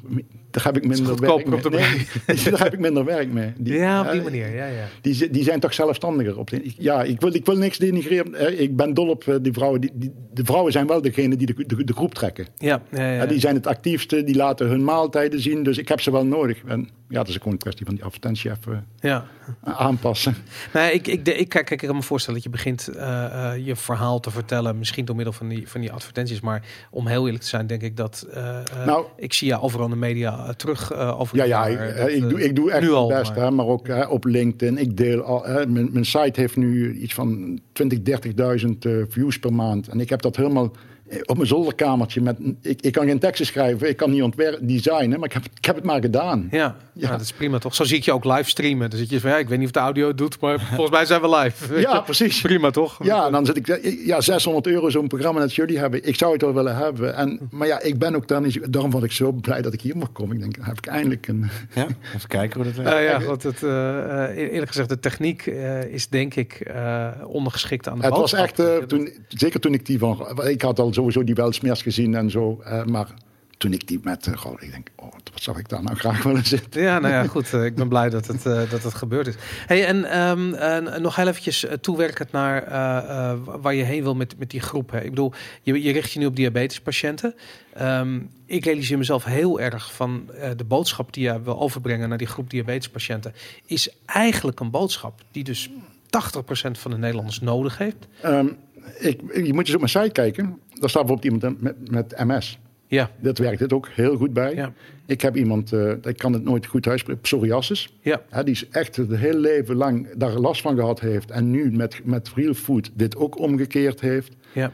Uh, het is hè, mensen met uh, depressies. Uh-huh. Ik heb zelf ook veteranen ja. met ernstige PTSS. Ik heb, ik heb er een paar zelf gedaan. Die, die, hè, die doe, daar doe ik dan wat eh, intensiever bij die zie je, die, die, die zijn minder agressief. En dat zijn echt zware gevallen die echt EMDR gehad hebben. Ja. En die gewoon nu verbetering zien. Maar ja, ik moet het. Ik ben nu sinds uh, deze week zijn we een stichting geworden om te proberen toch. Uh, ja, maar, uh, ik heb dus nu ook een bestuur en iemand, een journaliste erbij Mhm. die me gaat helpen. Dit moet gewoon. Ik ga dit opschalen en ik ga dus ook. ik, ga, ik ga nu op mijn volgende missie is gewoon geld ophalen en. Hè, want ik, omdat ik geen academische graad heb en geen professor ben, ik krijg, dan, ik krijg die, die zakken geld, die, die, die, die mannen van die, al die zorg. Ik, ja, daar ben ik nog niet aan toe. Maar ik, ja. ik, ik, ik ga wel. Alleen, alleen, de skepsis natuurlijk. Dat... Ja, en maar ook je ziet hè, bij, die, bij die advertentie. Mm-hmm. Wat men, ik word daar af en toe ik word daar zwaar beledigd. Hè? Ja. ja en je bent een leugen. En die mensen, je bent een lokker. En uh, je, ben, je bent dit. Ik denk, ja, Sorry, ik zeg. Is Lokken voor wat? Ja, ja. hè, want en het is niet waar. Echt, ik, ik moet. Misschien ik haal, haal, ik haal advertentievorm of zo. Ja, nee, maar ook, hè, dat is niet waar. Echt, ik krijg dat de zwaarste. Ik, ik haal ze weg hoor. Ik laat ja. natuurlijk die advertentie niet draaien met al die commentaren eronder. Maar ja. Ja, ik krijg er echt heel veel voor me kiezen. Maar ja, het zij zo. Ja, het hoort erbij natuurlijk. Ik heb van uh, Daan de Wit ook begrepen dat jullie uh, misschien gaan werken samen aan een uh, project waarbij mensen die ziek zijn en chronisch ziek zijn, gevolgd gaan worden in het, in het omkeren van hun, van hun ziekte. Dat is een goede. dus ja. inderdaad, MS. ja, ja. Ik hoop heel erg dat er, dat er ook een case komt waarbij misschien kankerpatiënten gaan kijken of ze kunnen ja, eigenlijk recreëren wat er aan het buitenland gedaan is. En misschien wel in, in samenwerking met bepaalde Ja, we zijn dus ook. Met mijn vrouw samen zijn we dus nu ook met een Marokkaanse dame in gesprek. Die, die is uh, praktijkondersteuner in de Schilderswijk. Okay. En dan zat die Rob Baan, die heeft er toevallig ook een project gestart. En dan willen we ook echt de Schilderswijk in. Om daar bij de Marokkaanse mensen, maar ook bij al die mensen, om te kijken. We gaan ze kijken wat we lunches aan kunnen bieden. Dat we ze kunnen gaan coachen. Maar ja, dat, dat wordt wel. Hè, dat, dat kan ik alleen niet meer trekken. Dat, nee, dat, daar heb ik gewoon hulp bij nodig. Ja. Nou ja, kijk, uiteindelijk, uh, ik vind namelijk ook niet dat mensen die ziek zijn de verantwoordelijkheid voor hun gezondheid in jouw schoot moeten leggen. Ze moeten die verantwoordelijkheid zelf nemen. Uh, en die, die, die realisatie dat je zelf verantwoordelijk bent voor je kennis en voor je genezing van de ziekte en voor, de, uh, voor gezondheid. Um, ik denk dat eigenlijk dat dat de belangrijkste boodschap is die je, die je uitdraagt. En het enige wat je kunt doen is de hand reiken en te hopen. Ja, dat ik heb dus een, een, document geschreven op mijn manier. Handleiding om van je diabetes af te komen. Daar staan die filmpjes in. Daar staat de optredens die ik doe met Hanno Peil. Uh, ja. Hè, dat ligt, Hanno legt er precies uit. Hè. Wij, wij, zijn ook, uh, we zijn ook best wel een heel goed team hoor, Hanno en ik. Ja, dat geloof ik, ja. Uh, ja, hij geeft mij toch ook... uh, ik ben ook heel blij met Hanno. Hij geeft mij ook ja, de academische ondersteuning. Ja. Waardoor ik toch een stukje geloofwaardigheid bijgekregen heb. En hij van de andere kant, hij is voor leefstijl. Ja. Ja, dat, ik, ben zijn, ik ben wel zijn bewijs. Ja. He, maar wij, staan, wij zijn wel samen met dezelfde missie. En, maar we hebben dus dat document gemaakt. waarin ik in feite vijf jaar studie in samengevat heb, in- met video's, in, in, in simpele taal, zodat die mensen dat hele ding, en dan kunnen ze in die groep gaan, Ja. dan krijgen ze ondersteuning. Ja, that's what, ja, Ja. ik doe mijn best. Nou ja, kijk, ik, ik, ik, ik denk dat het ook belangrijk is dat mensen hun eigen ziekte inzien. Diabetes is een ziekte die is eh, heel langzaam slopend. Je ziet niet van de een op de andere dag per se dramatisch verschillen. Totdat op een dag je niet meer goed kunt zien of je eh, neuropathie hebt of je voet Ja, je, moet worden. je, je zal niet zeggen, wat heb ik toch hoge suiker? Nee. Je, je merkt de hypo's. Ja, Of je merkt de burn-out. Of je merkt, mensen komen dan op, we zullen ook eens even je suiker. En dan zie je de diagnose diabetes. Ja, ik vind bijvoorbeeld, ehm, als je aanvullend verzekerd bent. ja, Ik ga gewoon elk jaar, elk jaar ga ik naar een sportarts. Hè, dan krijg je van die plakkertjes op. En dat kost, dat kost helemaal niks. Die man, hè, die- dan krijg je zo'n masker op. Die, meet, meet- oh, sorry. Ja, die meet je VO2 max. Die kijkt je hart, je longinhoud. Maar die doet ook een complete bloedanalyse. ja, ja. Hè, van al je cholesterol. Echt de meest uitgebreide. Wanneer is dat gratis? Als je gewoon aanvullend verzekerd bent. Oké. Dan krijg je, vraag je een sportmedische keuring aan. Ja. En ja, Ik kruiste dat zelf altijd op de, op de bloedformulier. Staan. Ja, altijd. Nee, nee, maar je, kan je, dat niet kan, meer, je kan dus gewoon, eh, hè, als jij aanvullende verzekering hebt, kan je naar de sportarts gaan. Dan, Ja. dan vraag je een sportmedische keuring aan. Ik doe dat gewoon elk jaar. Ja, Ja, en dan, dan krijg je. En, en ik vind ook, een sportarts is eigenlijk een hele holistische arts. Die kijkt naar het, naar het hele lichaam. En, hè, die kijkt, hè, die, en je moet dus op die fiets. Goede tip zeg. Ik ga je dat moet dus op die eh, fiets. dat En dan moet je dus echt tot het uiterste. Hè, tot je gewoon niet meer kan. Hè? En, en in de tussentijd meten ze hoeveel CO2 en hè, die, hoeveel. eh, ja, dan kun je dus je conditie in zien. Ja. Ja, het is gewoon zo'n goede check-up. eh. Ja. Ja, ik doe dit dan ook wel eens. Niet, niet zo'n hele volledige test, maar ik ben er niet aanvullend verzekerd. Maar je kan inderdaad ook gewoon dat soort bloedtesten vragen bij, bij particuliere bedrijven of wat dan ook. Ja, maar bij de sport is veel meer. Hè. Dan krijg je dus echt zeven van die stickers erop. En je, Ja. zit, je lactaat wordt gemeten. De, Ja. de, de meest uitgebreide kost 300 euro. Je hebt een iets kleinere maar Ja. voor 200 euro. En maar het is. Ja. In- bijna, bijna iedereen is. De, ja, heel veel mensen. Als je, als je aanvullend verzekerd bent en je doet Als je dat al bent, inderdaad. Want anders is het natuurlijk alleen maar omdat te, te zouden, dan, dan zou je weer wat duurder uit zijn. Als je, omdat natuurlijk het is zo 30 euro meer per maand. Maar Ja. Ja, maar bijvoorbeeld. eh, Als tegenwoordig van, eh, van bij de ketenzorg. Die, eh, die bloedtest. ja. Was eerst, zat er, zat er, Ja. die moet je voortaan uit je eigen risico betalen. Dus dan, dan, dan betaal je ook. eh, Ja, ik had zoiets vakket, dan betaal ik het uit mijn eigen risico. Kan me niet schelen, maar ik, ik snap dat mensen... ik haal het opnieuw dik en dubbel uit. Want ik, ik, eh, ik heb mijn eigen risico niet meer nodig. Ja, daarom inderdaad. Ja, dat is waar. Nou, ik vind het, eh, ik, ik- ja, ik vind het een fascinerend verhaal. Ik, vind, ik, ik blijf er ook bij dat het, het, het- We hebben het nu veel over diabetes. Het woord diabetes va- valt veel. Maar in feite is diabetes een, een extreme eh, eh, eh, energie, energieprobleem. Waar heel veel mensen, misschien in mindere mate, maar wel heel veel last van hebben. En uiteindelijk aan zullen sterven. En dat ja, gezondheid in zijn algemeenheid heeft heel veel verschillende betekenissen.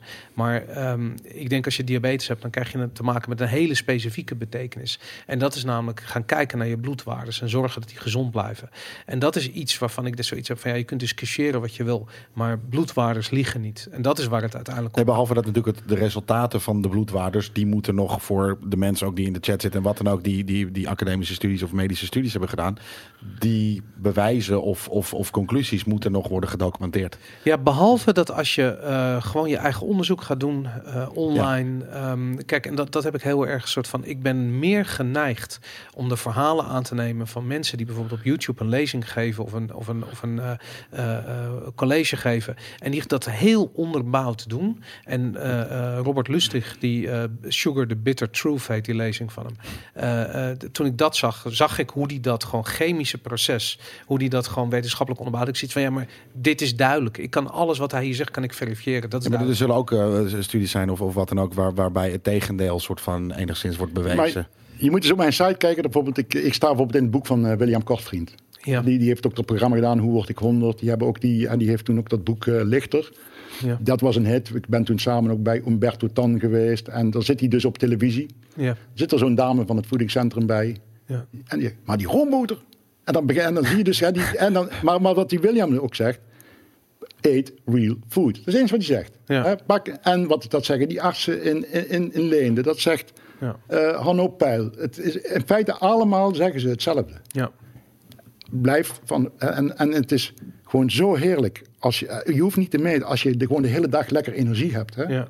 Dat is, dat is gewoon, ja, je presteert, je, je bent, ja, de- de- op, ja je, je moet gewoon uit je leven halen wat, wat, wat je in je pakketje hebt. Ja. En dat biohacking, die gaat daar echt... eh, Ja, nou, ik vind het hele onderwerp van biohacking fascinerend. Eh, ik denk dat gezondheid een van de, van de, van de meest voor de hand liggende eh, toepassingen is. En vooral het spelen met voeding en het resultaat volgens bekijken op je meters bij een onderzoek, bij een sportarts, whatever, hoe je dat doet. Je zult, je zult zien dat dat ketonendieet ehm, eh, fascinerend is voor het wegnemen van ontstekingen, voor het eh, eh, normaliseren van diabeteswaardes, van, van glucosewaardes.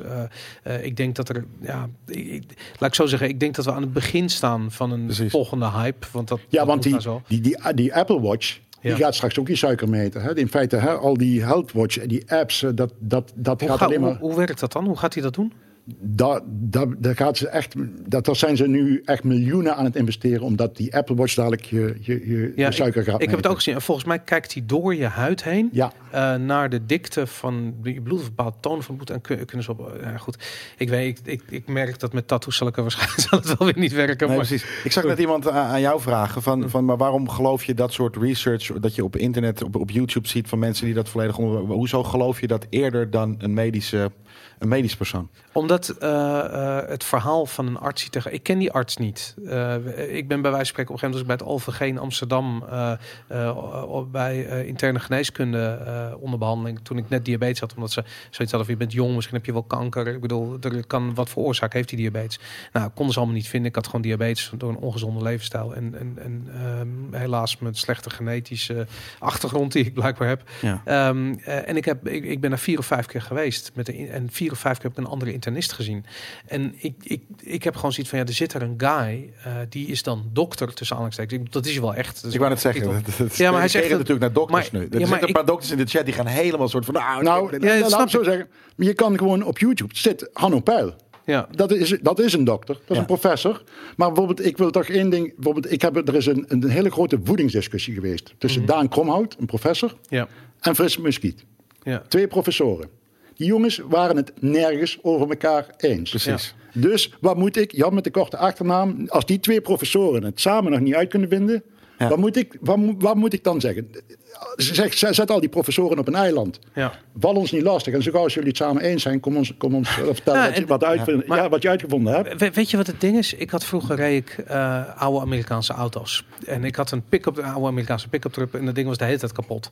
En ik wist gewoon van als ik dat ding naar de QuickFit breng, dan, eh, ja, dan is het een loterij om te kijken of ze dat mee kunnen. Maar breng hem naar de specialist die verstand heeft van dit soort Amerikaanse auto's, dan is het wat duurder, maar is het wel goed gerepareerd.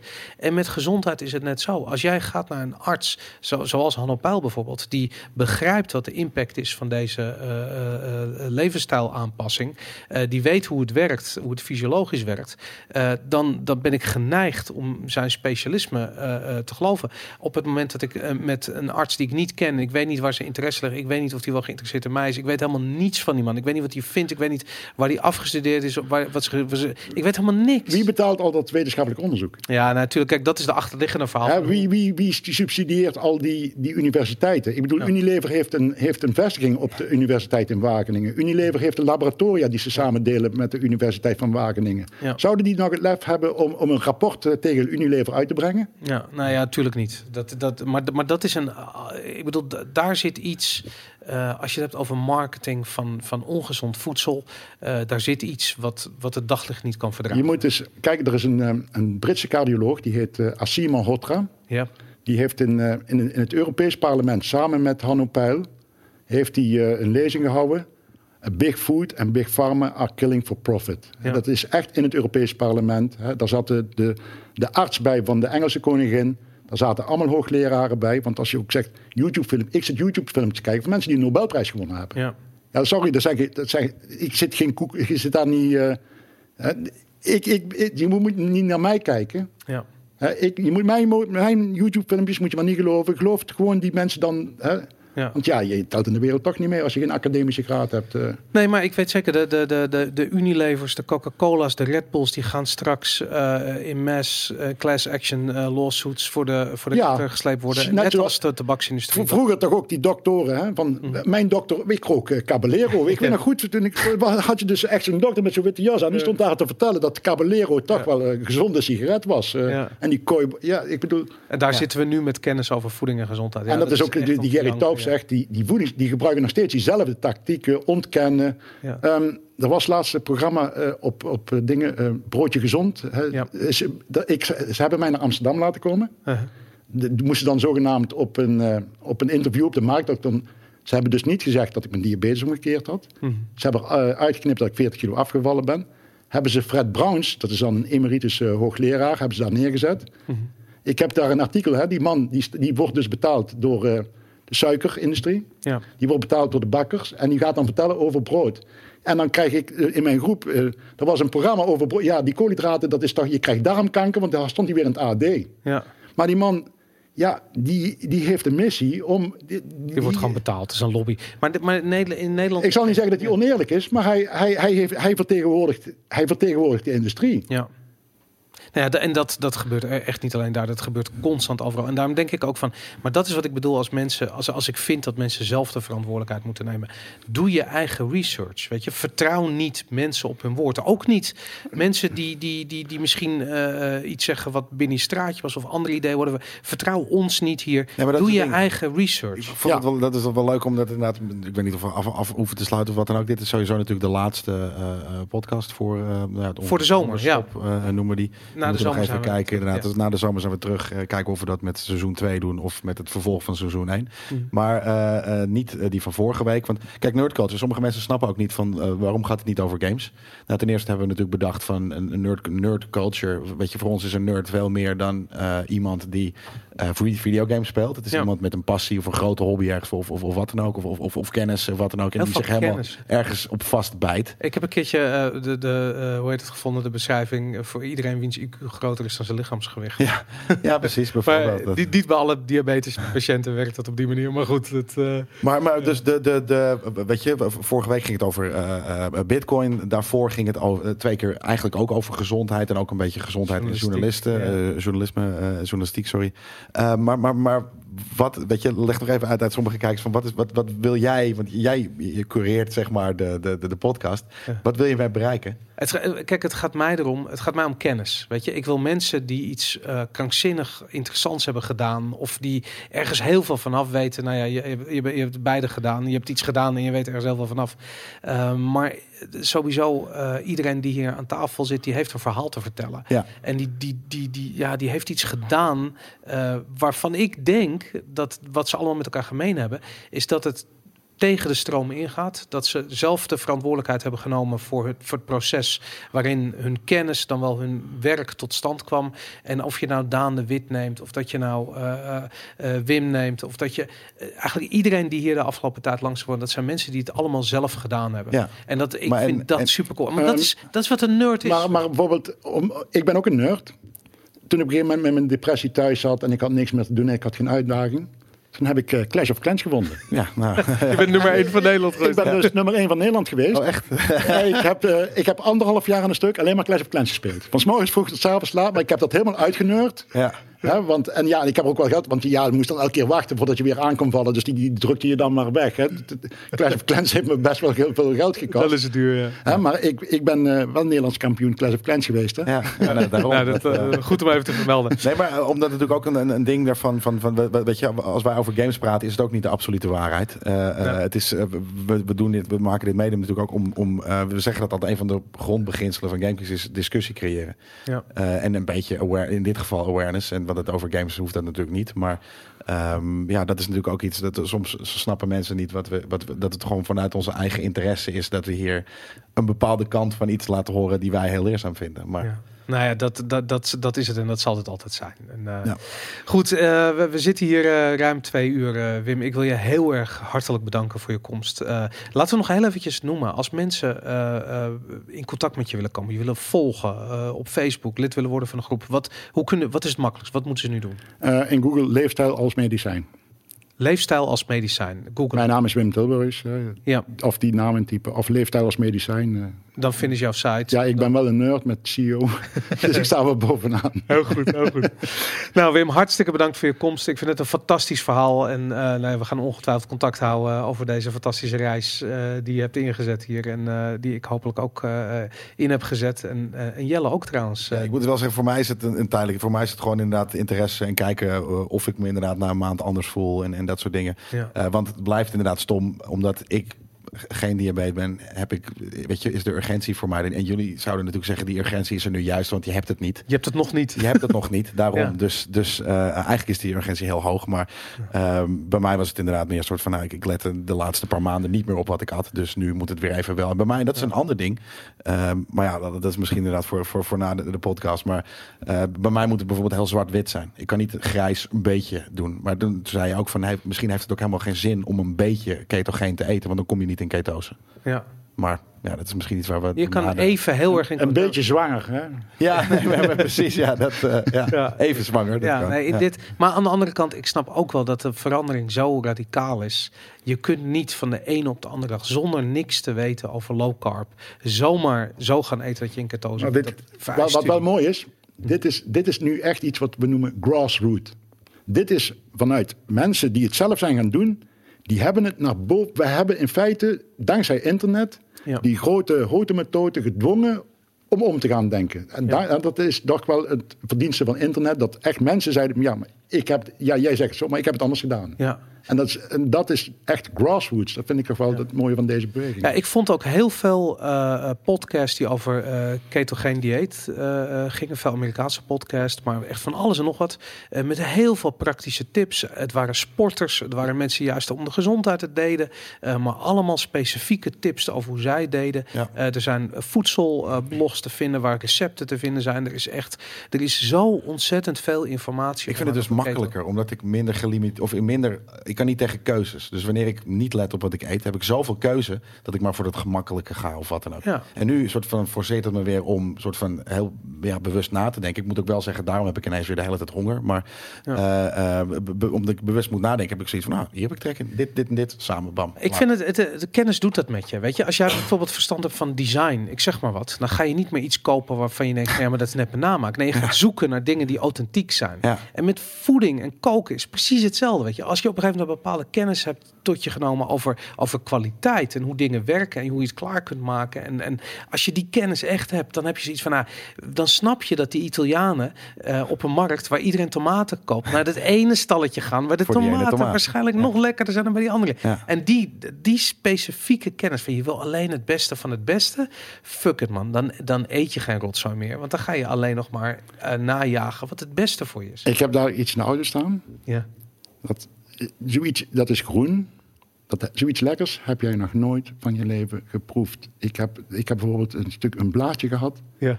Dat was net een oester. En wat Ik, was het? dat was bij die Robaan waar ik dus Ja. geweest ben. Die, die maken een soort uh, crash voor vijf sterren restaurants. Ja. De smaken die ik daar geproefd heb, ik wist niet dat ze bestonden. Zo lekker. Was het dat paars? nou, ik heb, ik heb een hele doos vol. Oh. En dan zul je, dan zul je daar eens, ik dadelijk, dat, dat ja. moet je echt proberen. Dat is zo sensationeel wat ik daar heb mogen proeven. Echt, Robaan. Top. Nou, Robaan, die, die, eh, die gaan we ook uitnodigen een keertje. Ja. Ik, eh, eh, nou, ik vind het fantastisch. Wim, hartstikke bedankt voor je komst. Het is een lange rit geweest. Maar ja, ik vind het fantastisch dat je hier, dat je hier vandaag was. Jij ook bedankt. Top. Jelle, dankjewel. Dit was, eh, ehm, was zoals Jelle net al zei, dit was de laatste Nerd Culture voor de zomerstop. We zijn ergens in september weer terug met deze podcast. Het gaat niet de laatste GameKings podcast zijn, want we gaan de GameKings zomerweek doen, waarin we eh, een week lang alleen maar podcasts hebben. En dat idee is namelijk dat eh, ehm, ja, als je op het strand zit, als je in een auto zit naar het zuiden, eh, gewoon lekker de GameKings podcast luisteren. Die zullen overigens wel allemaal over games gaan en dat soort dingen. Het zal geen nerd culture zijn, maar het is echt GameKings podcast. Goed, voor iedereen die meegekeken heeft via Twitch, dankjewel voor het kijken. En voor iedereen die deze podcast luistert, dankjewel voor het luisteren.